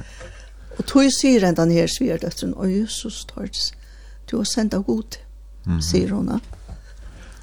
Og jeg, jeg følte det bæreste så godt. Og... Ja, det har sikkert ikke videre. Hva det er? Nei, det sier jeg sånn, og vi visste ikke hva vi skulle gjøre, sier han. Altså, nemlig. du er, du er, du er. Så, men hatt det er mye måte. At skapa ja. en ro og fri, ja, ja, så at ja. det er til, til, til, sikkert, til, til, til, til, Ja. Kan då känna det ligger ganska isny och också ganska. Man vet inte, man vet inte. Jag finner fri, jag kunna färja, alltså släppa. Och är det näka sjankor som du finner fri av så är det nu där när den där alltså. Nu du har haft näkvar så här upplevelser här. Ja. Här du är ganska fast och då där och så hör du det på att det har du måste se vara rätt och så att tror du på att det är mer med himmel å gjøre enn en vi vita og ganske det er. Ja. Og dimensjoner, tror jeg. Ja. Jeg trykker på en gåan en god. Mm. Og jeg trykker vi eisene, ja, og på at det er en ønskaper i verden. Men at er en god, han, han, han, är trygg för at han lustar etter oss. Og, og bare hatta som fortalte nå, er et tekno på at det er sannhet. Mm. Det er en god god til. Mm Og hvor skulle jeg gjøre alle disse tingene, du vet? Eh, det er sånne ting som fær med at huksa, det er en god god til. Mm -hmm. Og det trykker vi jo på. Og det trykker vi eisne om ikke ganger når jeg har jo. Så har vi alltid det som stender i bøybelen, fær innar i kamer. Ja. Han høyre de eisne her. Mm -hmm. Og det er min, min, min, min trygg. Ja. Du fortalte meg jo her at uh, du leder alltid vinda i opp. Ja. Ta i onkere deier. Ja, lykka glopp, altså. Ja. Jeg, jeg, jeg vet ikke hvor, altså, men man har alltid hørt akkurat uh, fyrir jeg slipper salen, mm. altså, du vet. Er det følt du når jeg går i rommet noen? ta ja så er det är och som vi slipper ut. Eller, ja? uh, nei, det gjør jeg ikke, nei. men jeg har jag følt forskjellig til alltså. Ja. At det her er meira enn man hugsa seg, altså. Mm. Jeg har vi en sårhet, jeg vet ikke hva det er, altså. Jeg er sensitiv på en eller annen måte. Mm. Men uh, at det er mer med himmel gjør, ja. Men det er ikke noe som du har spennt inn for det? Nei, det er ikke som så, nei, det er ikke. Mm -hmm. Nei. Men uh, Maudun, Toralver, han, han blev jo eisen sjukur i... Uh, han blev sjukur i 2003 fyrir fyrre. Ja, ja men ja, ta, ta var det så tarmaner som... Ja, där som man kallas, där kom håla där, ha? Ja. Så Adler fesis kom ut ur bokhållna, alltså, och han var, ta var i akkurat sante, och, och dötten min, hon ringte så till min Anna, hon var inne i tjån, hon tog i betor. Och där fick han så i en ambulans, Marius kom så ut till honom, och ambulans, och han får så sår, men stadväkta jag kom klockan ett det var sant det talar han stad ekko gener sång. Men tog bättre att effekter eller jag jag säger vad ska att jag vill ha en röntgen eller ett landa jag tog heter heter tog tog det givion som jag medicin för på inno. Men det er alltid lært til å observera som sjurehjelpere, og det sa jeg her, men det var ruskende gal. Han kom eisen jo senast jeg ble ikke nere av um, operasjonsstående. Ja, var det i fergen? Ja, det var ja. ja okay. Eh Elias Rolsen fortalte for meg att uh, en var bedøver, men han lagt lagd till så så Teodor kunne slippe fram en fista. Mhm. Mm och det var en cirkel skilla så ikke sier han. Det var allt allt. Så tar spola og bare og, og vaska och og, og seima var natter. Han la så lunch och i respirator. Han då inte gänga ta kom på atter. Han så ut som en Fyrst før han kom vestrat og Ramøyrene begynte å genga opp i Han så ut som en forsvarer gammal med og skjøtt det. Men ikke for mer, altså til slags det, at jeg var vond vi han. Ja. Men han kom så så spekelig atter og for så skola, vindskola, vindjohanskolen i han. Ja, han var jo maskinmeister i ja, årene. Ja, men og... han sier selv om det tar seg, kommer ånka ned at det maskinrum. Nei, så han slags på brunna. Yes, på ja. brunna. Han var en sånn. Ja. Kjempar? Ja, han var en kjempar, ja, det var han. Mm -hmm. Han är ju ett fag etter da han så døg. Ja, han kom fyrir seg han har hesa sjukna, men, ja. men han døg så i 2006 og blei ja. nok vekk stærleis krabba mein var det i ja. 2006? Eller? Ja, bors på ja. Ja. ja. ja. Det var en, det var en, altså, ja, straventøy, helt forfølgelig. Mm -hmm. Vi var nere vid noen og han blev bara samma och samma nattor och och här var han inte gira fick han så. Det var ja. Men um, han var ju helt i han hej till eh att la passa sig. Ja. Så tog han. Tog han ju när går. Ja, tog ju bättre och han vill helst inte ha någon annan del. Han vill inte ha sjukra systrar vaska. Så tar vi var nere så ta fikk man en sykla, sykla jeg ut om 8-9 stund om morgenen, og heima som tog jag et låt och innan kvällt, ja. Så jeg var när om han og ta i, han var her i førjen, la her och talen av sina och ta i tarman i våra. Ta blev inlökt vid honom. Ok. Ja.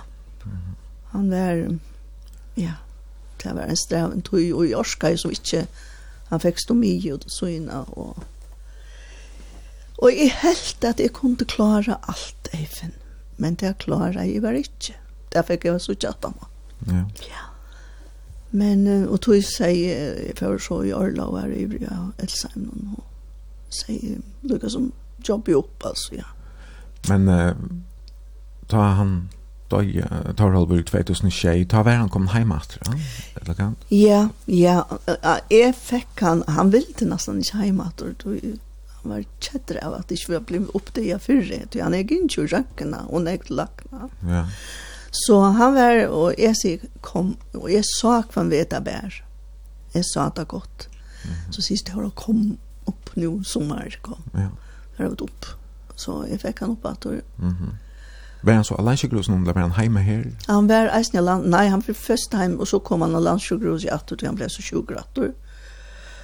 Og jeg minnes det at laknen sier vi han da, det var en kvinnelig lakne, og sier at han skulle, at han skulle legge dropp, det droppet var for jorda.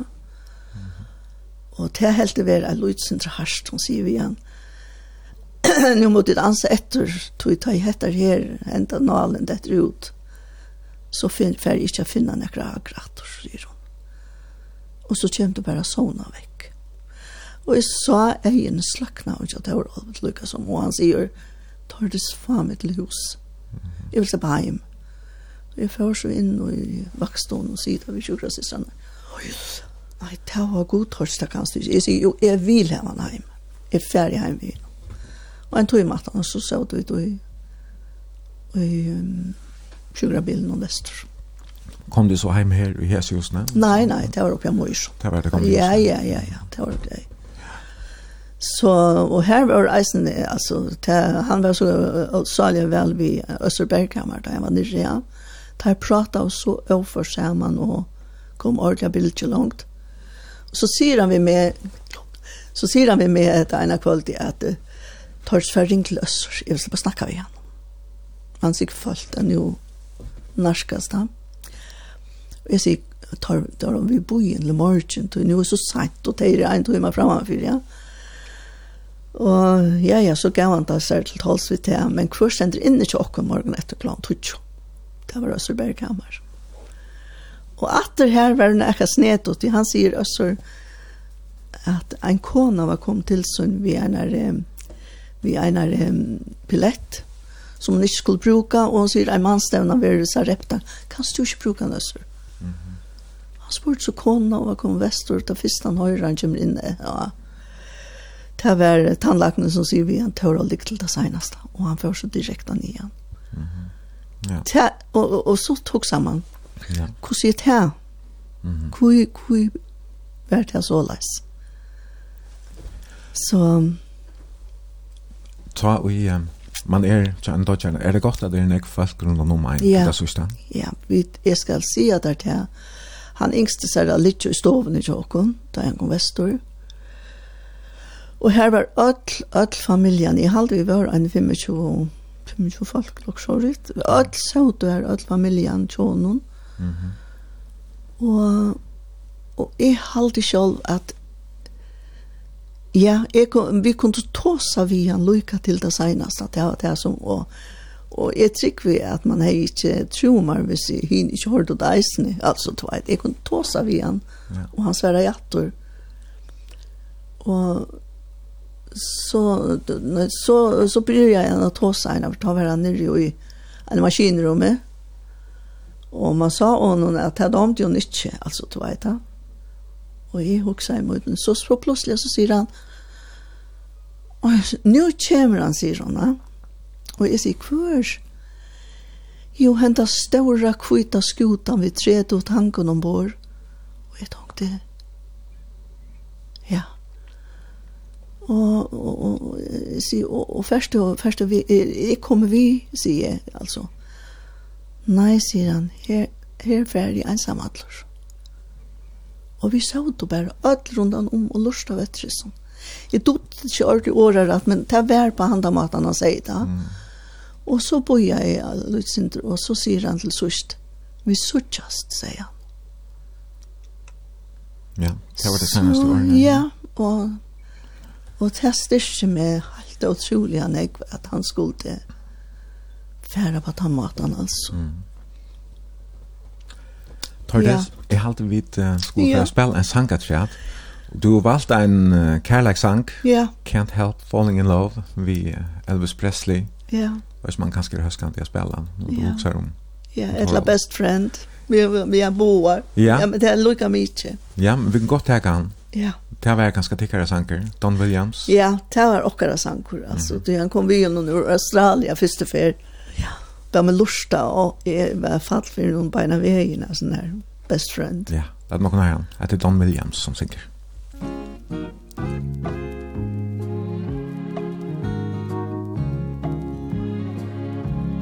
You placed gold on my finger You brought love like I've never known. You gave life to our children and to me a reason to go on. You're my bread when i'm hungry. You're my shelter from trouble winds. You're my anchor in life's ocean. But most of all You're my best friend.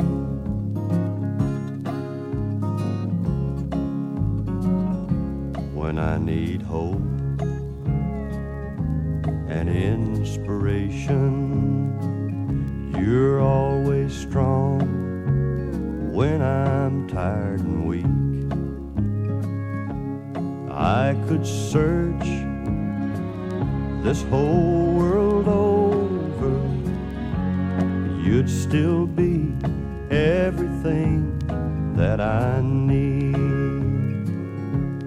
You're my bread when I'm hungry. You're my shelter from troubled winds. You're my anchor in life's ocean. But most of all You're my best friend. You're my bread when my shelter from trouble winds. You're my anchor in life's ocean But most of all, you're my best friend.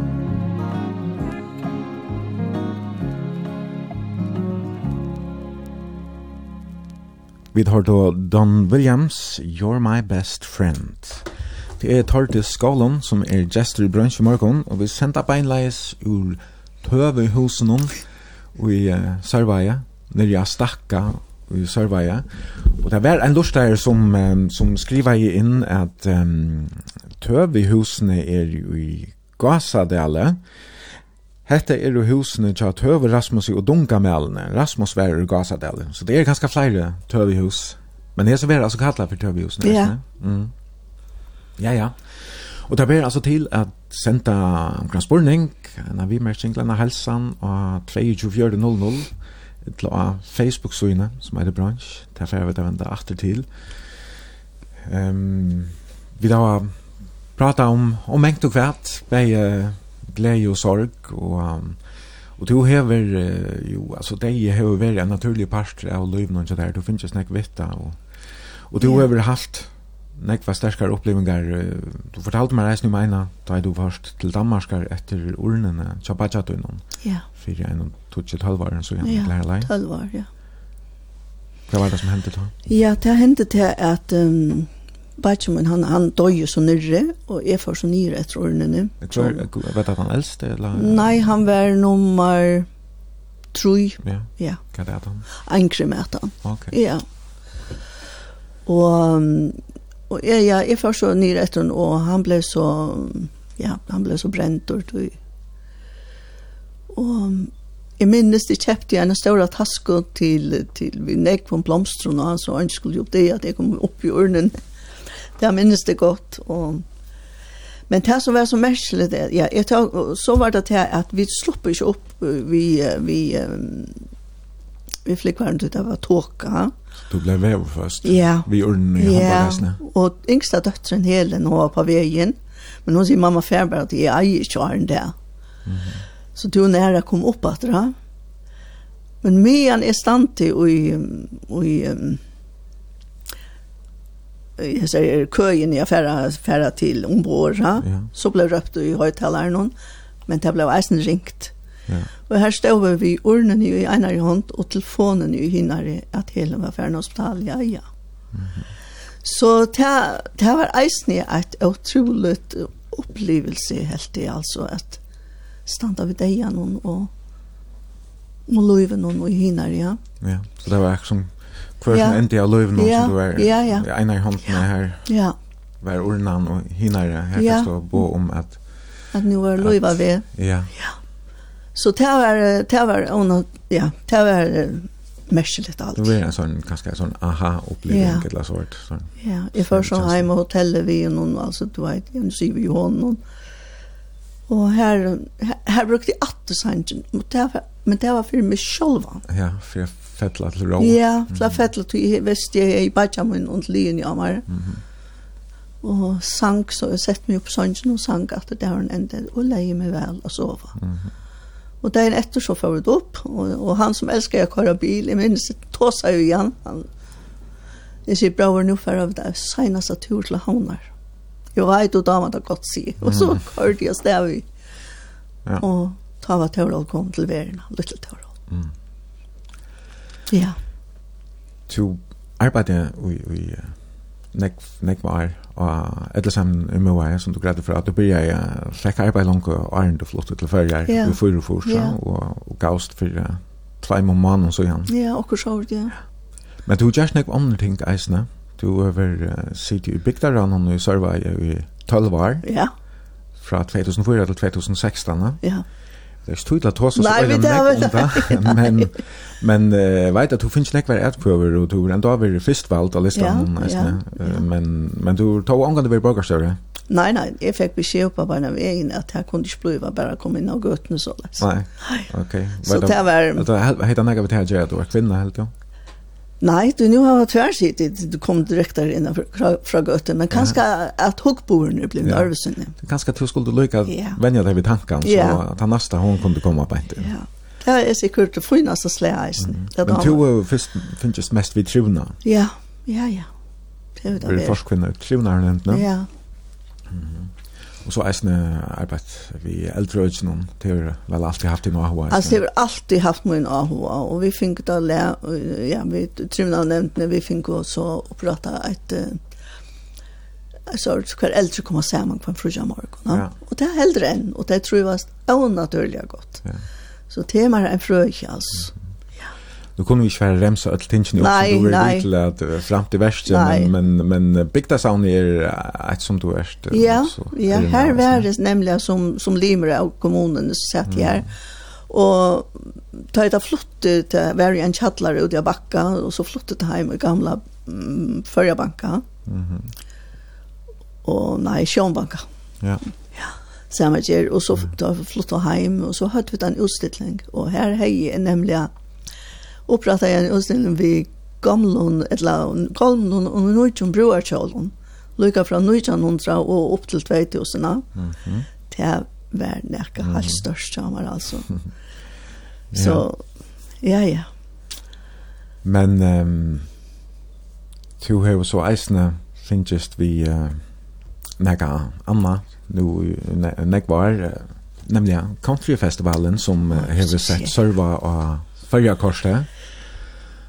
Og jeg kan så fortelle, altså det, det var tøyt hosgått at jeg ja. sette den her ja. festivalen i gang. Det var det. Hvor kom det herfra? Det, det, det, er så märkligt. Jag husker under att han alltså det skulle det vara visst det kom fler hästar och rojande om man efter att man så fick idéerna. Mm. Men plötsligt jag har akkurat ja kontrasang från uppe med en rota och så Plutselig så høyre så du, nå er det motorsykler som kommer. Mm, det blir køyre, er det 1. mai det køyre? Ja, det er køyre, ja. ja. Altså, jeg ble så inspireret, du vet, av sånn her, at jeg tenkte, skunden synes jeg, jeg, jeg halte i ferie å prøve å vite om akkurat tog meg og hjelpe meg å en countryfestival. Mm -hmm. Så jeg får og køyrande at han Adam lykke ut til Gazadal, og jeg sa at ikke for jeg var ut, at det var inne i skøen da jeg kom ut. så jeg pratet med her, omkring Adam, altså, hei, det er ikke en idé, jo, det er en fin idé, altså.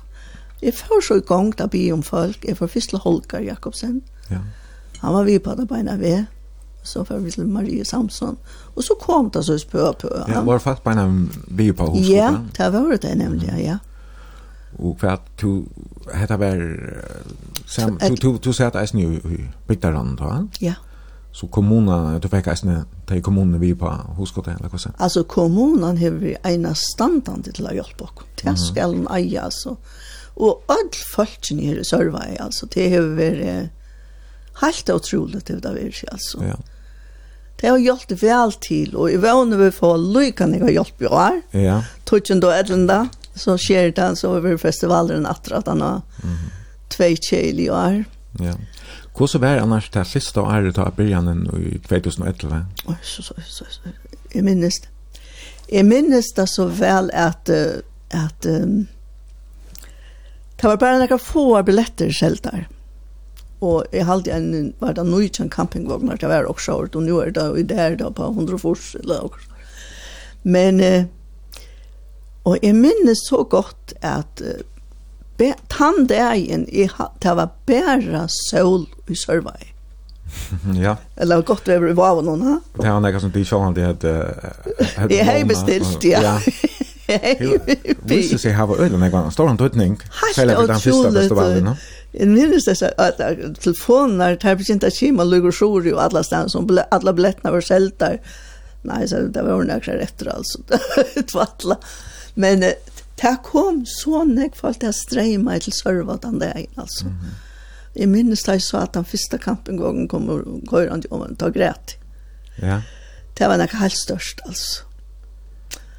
Hvor spalte det var det første året? Du veist du hva, jeg er så bort at jeg minnes det ikke. Var det mest førisk navn da? Ja, det var mest førisk, og så en fra Danmark som bare ikke, men jeg funnet, hun bor jo utenfor Fredrikshavn, langs det seg. Mm så vart hon et. Vet du vad? Nej, lugna mig. Det är fullkomligt om nu. Ja. Men det var en utrolig god festival, det ska sägas. Ja. Ja. Och det her uh, festivalen han hever uh, mensen jag för jag när han brötter när jag vet ja. Så ja. Hvordan var vi, altså ta, ta byrja vi, var, var det en paddler eller var det tveir? Tveir paddlar pluss is nere paddlar oppi av stakka. Var han bygde langt og ta hans det lukki? Ja, ja. Så var han så finner? Nei, nei, nei, det var det just nu korsen, ja, ja. Ta var han bara betonka. Mhm. Men uh, det var tvær store paddler og lille paddler som vi kallar det. Mm -hmm. Og så hadde vi dansstående eisen. Her kunne för inne i ett og så vidt. Ja. Og Wild West. Ja. Det er i kontrastøylig, Henning Stersk sier han, jeg ångat seg så originalt for, altså, Nei, i kontrastøylig, ja. ja. Så.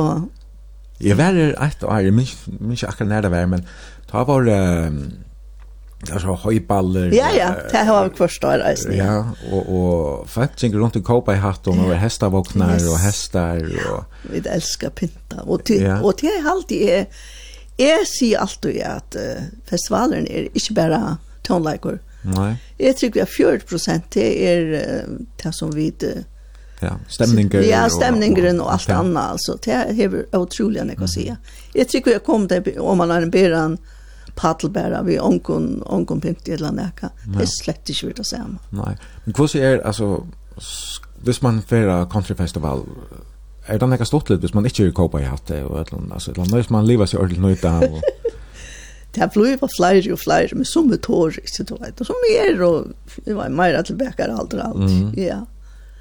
Men jeg har alltid det en honaligur, deiligur, bygdasligur, kontrafestivaler, altså. Mm. Og så skal det være. Så er det campinggøtje, sier jeg. Ja. Campingvåknene. Ja. De følelsene, de, de er ofte ringa og hale ur campingvåknene. Ja, utrolig, ja. Hugga seg her. Ja. Ja, det de är otroligt Alltså, de kommer bara visst det är orkester som det kommer väl och så. De hona så här sina mittlen alltså. Kvar är så tog in like-låter i det ta i festivalen eller fyrkip eller vad som menar ni? Det är att finna folkene och hjälpa till och så ut. Och det är ankat du det har alltid varit, du vet. Ja, det har gått gott alltid. Mm Och så tar jag stande för eller jag för pinton och så har då har jag folk alltså. Så det är fler i nämnden ja som delar ja, som uppgåvan här. Ja ja ja. Jag menar att jag har hört också med att Allan Samuelsen han är vi i Ja. Han han han ständer för eh tonlation han. Ja, booking person ja. att göra uttala vi bästa yes, Ja, det är så går till. Ja, han känner ju. Han känner näck. Ja, ja, ja. Kontraststjärnor runt om i hemmet. Det är det som är. Och han han är finare. Han har lättare att prata vi gäst. Ja, också han är lättare. Ja. Och så Hjalmar Kvicklett vi också nice nu. Och Hjalmar han ordnar jotaxna och allt det. Ja. Mhm. Verkligen, men vi täva. Jag tycker folk huxar inte om hur man häver att hur snägg man häver att det ger allt och har runt oss. Ja. Jo, det är otroligt arbete och det här vi som corona så har det över korstocken. Jag syns inte ut av sojspår, det vill säga. Ja. Ja det var ikke kjørt godt. Fortsatt, ja, Ja, jeg synes ikke selv vel til. Nei. Så det er ganske avhengig av at det er etnast vel i år. Ja, ja. Om ikke hva, hva er så lagt nå? Nei, så prøver jeg det. Så.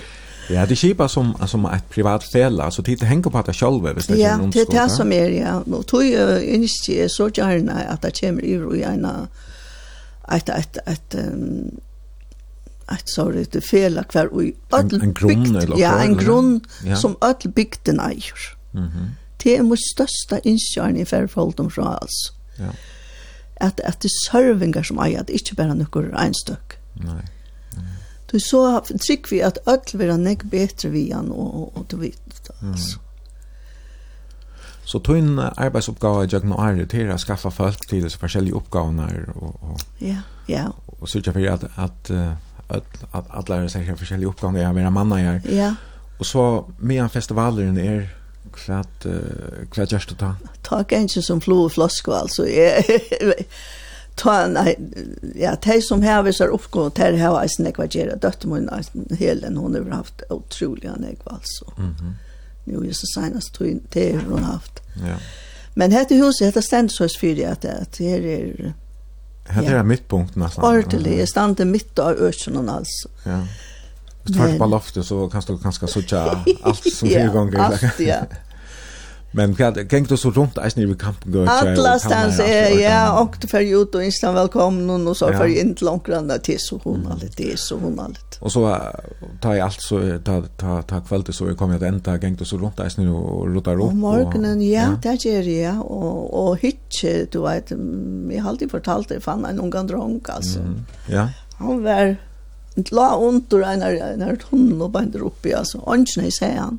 Nej, jag tror inte för nek. Ja, ja, och han har ju visst inte fann han tag, så så tycker jag att han är fryst alltså. Mm. Du det var så kallt om morgonen.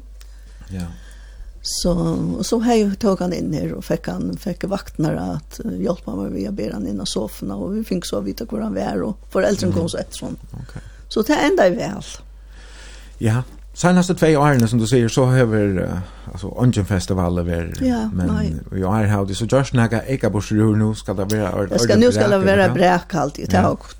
Bellamy Brothers kom alltid, ja. Ja, där skal spela Leia kvalitet og heter Miles frutja kvalitet og så vil det er så stor og eller teg först kom. Vi sier det ikke er ordentlig enda. Nej, men här här när går någon av det. Ja, ja, Hattler, han er så bestemt vi. Ja.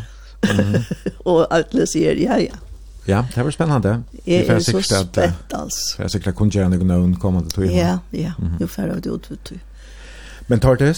Ja. tøyen hon gonker och ja, vi närskast ändan av sentingen nu här kom när och jag nekvar hälsaner och ganska ja. spurningar resne och sms skibande. Där blir framvis till att skriva på Facebook så til i det där var B R O N S J. Ja. Etla av 2400. Vi får att spela en country-sang, Du nevnte jag några nu. Hall Johansen. Ja. Og hette så saman vi en er en er heimstjøtne. Chris ja. Kristoffersen. Ja.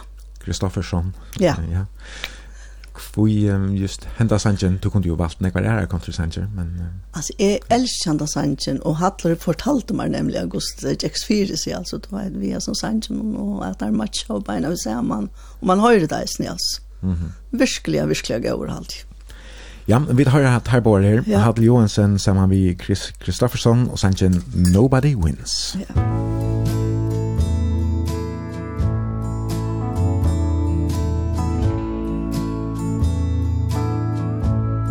Anymore it doesn't matter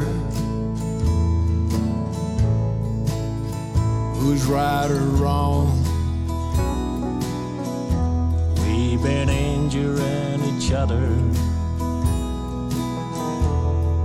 for much too long. And it's too late to try to say what might have been. It's over. Nobody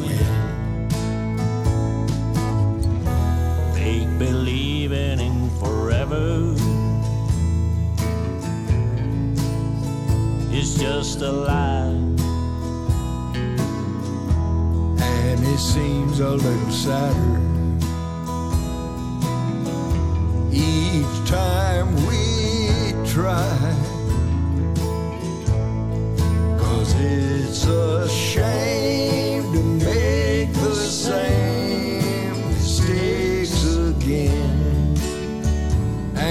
again. It's over. Nobody wins. We've gone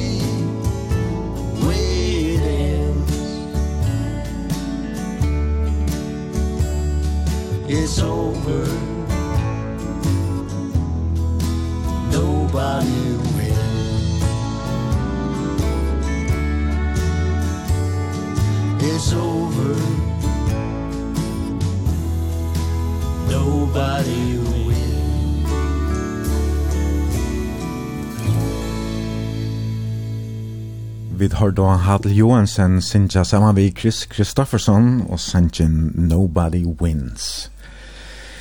Og her er komnar Ulja Nekvar Halsaner, tar det så vidare unga livsens chans at lesa til atlar, men du skal sjå om du får der atlar sendan 18 år, for at her kan nekare av dem. Ehm men ja, vi kunde ha pratat om om några andra ting att säga att du uh, med landa så varst du äsna i norra och Ja. en trutja för halt du var ja och arbetade en slag fullt där hemma. Då här du botcha måste du som som Nej, jag var måste henne. Du måste henne ja, måste ja. Ja, samma ju. Ehm sista dotter man så Ja, nämligen. Och så varst du äsna i Filippinerna i 2016 vi Sverdötterna. Ja du har greit oss inte fra om, om sånne tjater som, som var fett vi avbjørn kom. Men ja. han, han fanns her så en av kone i Filippinen. Han fannsar ena prakkfull, og jeg, jeg har finnet ikke alltid best og sverdøtter og i verden i alt. Mm -hmm. Jeg er gå gjerne, og, og ja. Ja, du varst og vidtje deg her i Ivla. Ja. Og, og du opplevde nekva ervis enn en til Bygge Førjum. Ja, helt sikkert, og jeg forstand det. Ja vel at her kom henda veien. Mm. Du varst her av jålen enda? Ja, jeg var en jåltøyer, og her var, og jeg sier da vi kår i, jeg sier, jeg tog meg skyttelig, så flotte støyene, du vet, det er resort og så forskjellig. Jeg slipper suttja hvordan du bor. Mm -hmm. Og så fører vi om, og det var la nere ved strandene, og det var sånne små hutter, eller så, og jeg vet ikke, og så fører jeg at huksa, du vet det at, at jeg høtte det grulige smalet. Og jeg sier så, Kori, hva skal Kori? Jeg vil gjerne slippe at uh, kjøpe dem når jeg mæter til jøler. Og vi så for oss ut og kjøpte setje ved rois og alt det som de brukte i jøl til her, fortalt og mamma Kori og hun. Og så for det her, og det Vet du hva? Vi fører ut til 2,5 familier. Og vet du hva det kostet? 2500 kroner. Til 2,5 Til 2,5 familier og i trutja det er. Var det glad at du kom? Glad, jeg har, altså, jeg, jeg, jeg græt alltid, mer enn det jeg alltid, jeg, jeg vet ikke, jeg, og så igjen ta her, ja, jeg, er, ja, man blir et annet menneske at det er verst her, Mm -hmm. Og tog sige, vær gov vi alle sier som kommer til landet, tog de kommer eisen i av nei. Ja. Ja. Det kommer for jeg sier ikke for så og vi gav ut det. Ja. Og du er så helt fast i å si her, nå er det en tradisjon til deg, ja, en siven, ja, ja. kjepa jolagaver, jolamat til å si familien. Du gjør det hvert år, så ja. Mhm. Og så er alltid det er, altså bare suttje egen i Adam, hvor glede jeg var, og altså. Det er størst, altså. Mamman og pappa kår det, så og du vet, och du ryser på sig och dalde ut og det var ja. det var virkelig størst, alltså. Jag var ha vid till det her här var en gammal kona som var blind. Mm. Alltså hyttan er som hon bor i, det var, ja, det var störst. Hon la en sån bunche. Hanna ja. glömmer ju unga det men hon är så ikke til mig, men... Mm -hmm. Så det var en ekva sterskare opplevingar? Ja, helt, helt, helt förfärligt. Ja. Men uh, tar. Um Her kom kommer ekvar halsaner og, og sms-skipene og Facebook-synet ja. fra brunch. Jeg hadde ferdig lesa nekker Adamon. Ein skriver her, uh, «Hun kjera tortes, deilt å høyra det i morgen. Jeg minnes stortlige løter og i høygæren ta to og sjurur av fletten hun underhilde. To sang og kjemta i astøy. Klem fra okkom. ja, det er veldig, bare det sånn. Underhållare, vad heter det som smakjenta? Jag var, alltså det var jag med över, det bor bara nu under konan och han och två böter, tre böter, ja. Mm. Alltså vi kämpade av allt det samma. Så okay. där jag kom och måste, så för jag in och lät mig klä sig på och så ut och så för George akkurat som var med och röj på i munnen och så. Och så helt det var två män som gick in i det tvattla och vid alls. Det var så stottligt alltså. Så läs har vi alltid varit. En annan lust att skriva här. Här vill det höra det fortäljer om fröken Kår. Og atra en annan skriver mamma min, som er årgang 1926, tante tja frøken Kår, sikkert senast i 1914.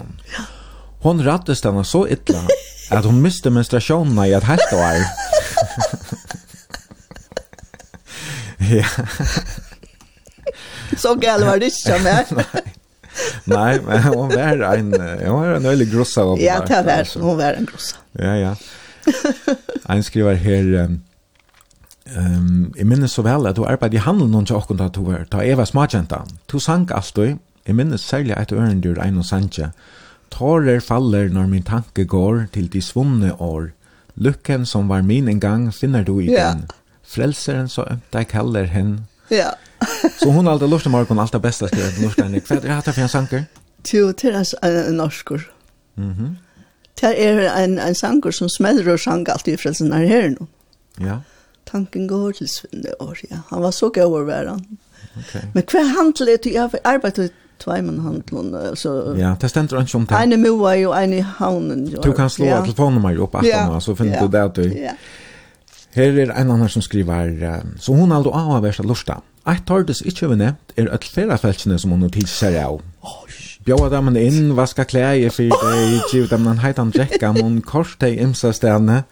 Onker hever eisne sovier, fortell om Edinburgh, skriver oh, eisne. Åh, Jesus, Jeg vet ikke hva tøyla alt det her, men helt kjøtt, ja, kvart... Um... Nei, det beste av ætla, det var, det var da jeg kom ut fra kvöldvakt. Vi kom jo køyrande ut her oppe ved hotellet. Mm. Og vekse var ikke av det beste, det regnet, det var nok så vinter eisne. Mm Og nå sier jeg tvers unge menn, og jeg sier at det er sånne krabbagogger som vi kallar det. Og jeg stopper så og sier, kom på, og jeg sa at det var en sin dør. Men jeg sier, hva, hva skulle dit? Hva skulle dit? Jo, der skulle finne et øke, hva det kunne sitte telt opp. Jeg sier, kvalt, vi er sikker ringt av finne nækket ut. Jeg får ikke telt opp i kvalt, vinduene. Jeg sier, kom bare om av vidt, til morgen, sier jeg. Det var en lite sinter så, men jeg, sjølvan, men så kom der ut till sista. hva tänkte kväll hatt her for jag. Ja, og jeg tenkte, nå skal jeg spille det kunna pussa lugga väl ta är så fär så så kom vi ut og jeg är opp upp trappen her. Og så sier jeg, jag så tar jeg og kører lite om, og så venter jeg meg vi så sier jeg, tar hur danskar det. Mm. Men nå vill jeg, är ser ju mor då. Att han ene han får etter hel og in tog bättre hy för att flänna den här hyn som var frem. Det ble blev förfärligt låtra åt vi alltså. Och där så så er det kvart tvärnätter. Ja. Vi tog och en ordentlig altså. Mm. Och jag finns ju hälsa från föräldrar och tjata om At jeg det är at jeg, jeg tog där in. Ja. Og til Nekko Anna. Ja. Nekko. du du bjöa mänkom. Åh ja ja ja, Sommer. Främmande fältje inne och galleri. Kaffe för utan vinda og så var det, altså. Og til Edinburgh og där fick vi var eisen två som bor här. Og det ble åkne hjem til Døver og så, jeg og Tryggvur var i Edinburgh. Ok. Ja, en tur. Så da de var iver her, så, så fikk Ja, uh, just a blod Ja, ja, ja, ja, det var så blod, altså. Så du, du uh, gikk ganske peilere, sånn at du sørst onker færa folk som gikk og reik åttan fyrir, så bjør du dem inn, eller hva? Ja, det er det. Jeg synes ikke at det er ikke av det godt, da. Ja, Ja. men du først er ikke selv nekva gåar. Å ja, ja, absolutt. Mm -hmm. Ja, her er uh, flere halsander, en skriver Tordes er en stersk, deilig kvinna. Takk for nekvar hun har lega gåa løter sammen med her. Åra til, her, her hjertarum er, er husarum, passa så sera vel til togin. Ikke minst av countryfestivalen, her ødler og velkommen. Fantastisk, skriver den her. Mm. En annan skriver, du har ett satt livstikje, og hever oppebore et størst heraklapp for tutt uikast lavere om det gamle. Apropos heraklapp, så fikk du et her klapp for uh, tvei måneder så gjerne yeah. i form av en, en, en flottere um, Laukakskaj. Ja, Sølskaj, her yeah. stender heraklappe. Hvert, hver gav, gav der... Det var Orsens heraklapp som kvinnebølgeren i av en gav meg. Mm -hmm. Og jeg, altså, jeg var så glad. Jeg var så glad, altså, for det. Jeg helt det var ordentlig størst. Og... Var det fire når jeg kom avvist, eller var det fire? Nei, fire er alt det som jeg har vært bare i Rumoa, jo her og så. Det er... Ja. Jeg blant dem sikkert alle stedene. Så er vi jo i folkalus mynd og hver, hver av vestanstedene i Rumoa i eisen, ja. ja. Så det er sikkert forskjellig sort. Mm. Og så er det ta Nu kom så mycket längt att, att uh, frukjakvall nu, 14 är så gärna, mm Jeg har akkurat sett meg av sången jeg skulle få sjong, nå ringer Facebook, nei, FaceTime. Og, og en er så, vi har hatt noe prater, så sier han, vi sitter her, vi er en tjejmans, så sitter hun og hun. Men vi vil gjerne være vi til at, at det var tæra tæra klapp for alt som du gjort. da. For sjølva, jeg minns det for å gråta, det minns det. Och där pratade så vojare och där hörde hon litt atler, och så spurte han om de kunne slippe Sintja, en sangfirma, Arne för att lägga mig. Och det blev valande heim. Det var så störst för mig. Tack för det alla tjejer till vita går det där og Ja. Jeg är så glad for det. Tog att jeg, jeg vet att alle människor, alle människor eja få ett heraklapp alltså du vet. Mm -hmm. Si är godt år, si det som gott er, altså. Du har finnit her er klapp, her i dag, og sms-kipan jo av Facebook synes jeg brunch, og du slipper lese det jo et laftana, men her er utrolig han ekvar helsaner. En skriver reisning her, Gåa Tortes, jeg sitter vi andakt og lustig etter der. Jeg kommer kjenne det da vi var til alidsfunter. Tid du var og var alltid så hona lever jeg sammen vi. Du er eisen en av dem gode gamle sugarhjelperen. Fittast av Tortes. Jeg bruker sannsyn Jesus besta navn i er ja. tunge kunne nevna. Ja. Ta bliva det så rolig. Ja, ja. Så, så det er at det her, det er godt hoskått at ja. jeg bruker sannsyn. Ja. For jeg får. Jeg håper jeg nekker som unge tøkker det vi, ja. det som det hører det. Mm -hmm. Hei Tortis, så fantastisk å høre det. Du er et så godt menneske, du gjør mon her du er. Jeg kjenner det fra Årgæri av Sante. Allt det bästa. Gåa och Jesu pappa signe till och tvinne. En annan skriver här är sen stått höra det går tortus. Jag har arbetat samvitt där och ett sen och ett säkert. Till dama så väl vi med det gamla och just allt för hon om dig. Det gamla sätta stora prysade. Tack för att han kärlekan tog sig ut. En annan skriver her, tusen takk for sendingsna, Jeg kjenner ikke kvinnerne, men jeg sitter her og gråter, så vekkert sagt fra om deg og kærleggen kjenner ikke kvinnerne, men visdommer som vil næga. Takk for det. Det er flere som skriver til en annen reisning her. Hjertan er man det alorsta, så samt om det vi at sida tja dodjande. Takk for det. Ja, her er det nekvar, nekvar halsaner atreat, og um, jeg vi halte ikke vi få stunder til Meira, men det kom lukka en, en vimersing i samband med denne her handelen i Jane. Vi kommer til å skrive handelen var surveya. Ja Så jeg vet ikke hvor en handlet du arbeider i Sørveie, men, men som, jeg, som jeg har vært vann av, så du har arbeidet utrolig mye på stedet. Jeg har vært så sånn, Du mennesker ikke sånn selv et støyne. God, du er sikkert opp til Elvino og Konrad. Ja, det kan være, jeg kjente det ikke, men...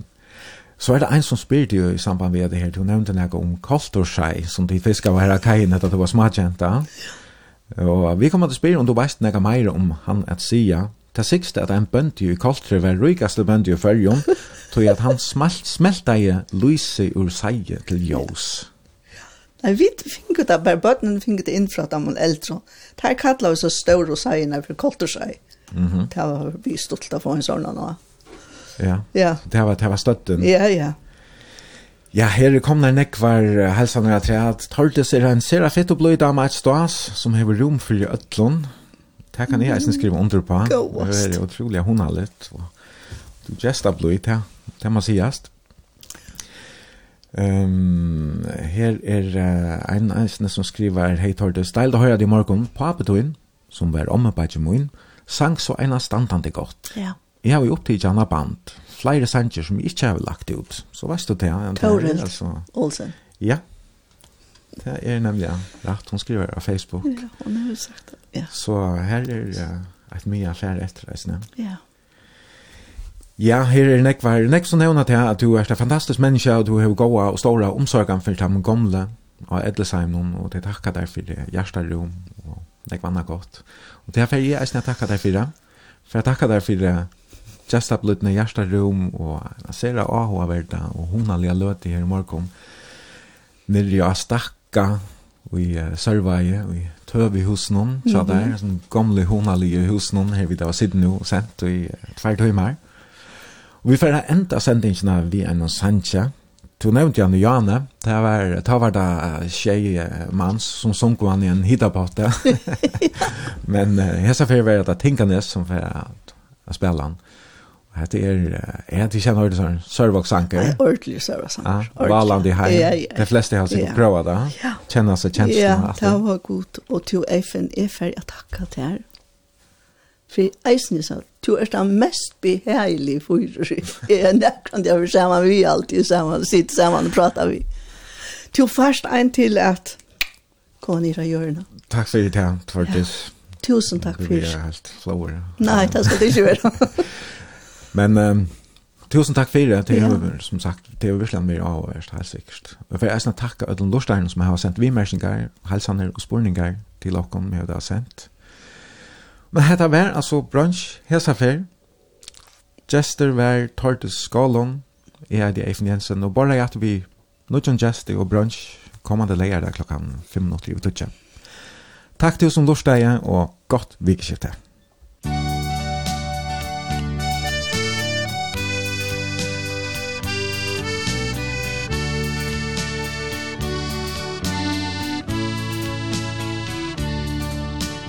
gave at en kunde sunge et lær Som hjarta mot bøver Kvann einasta der. Om tum, om teier A heimligjum stær. Her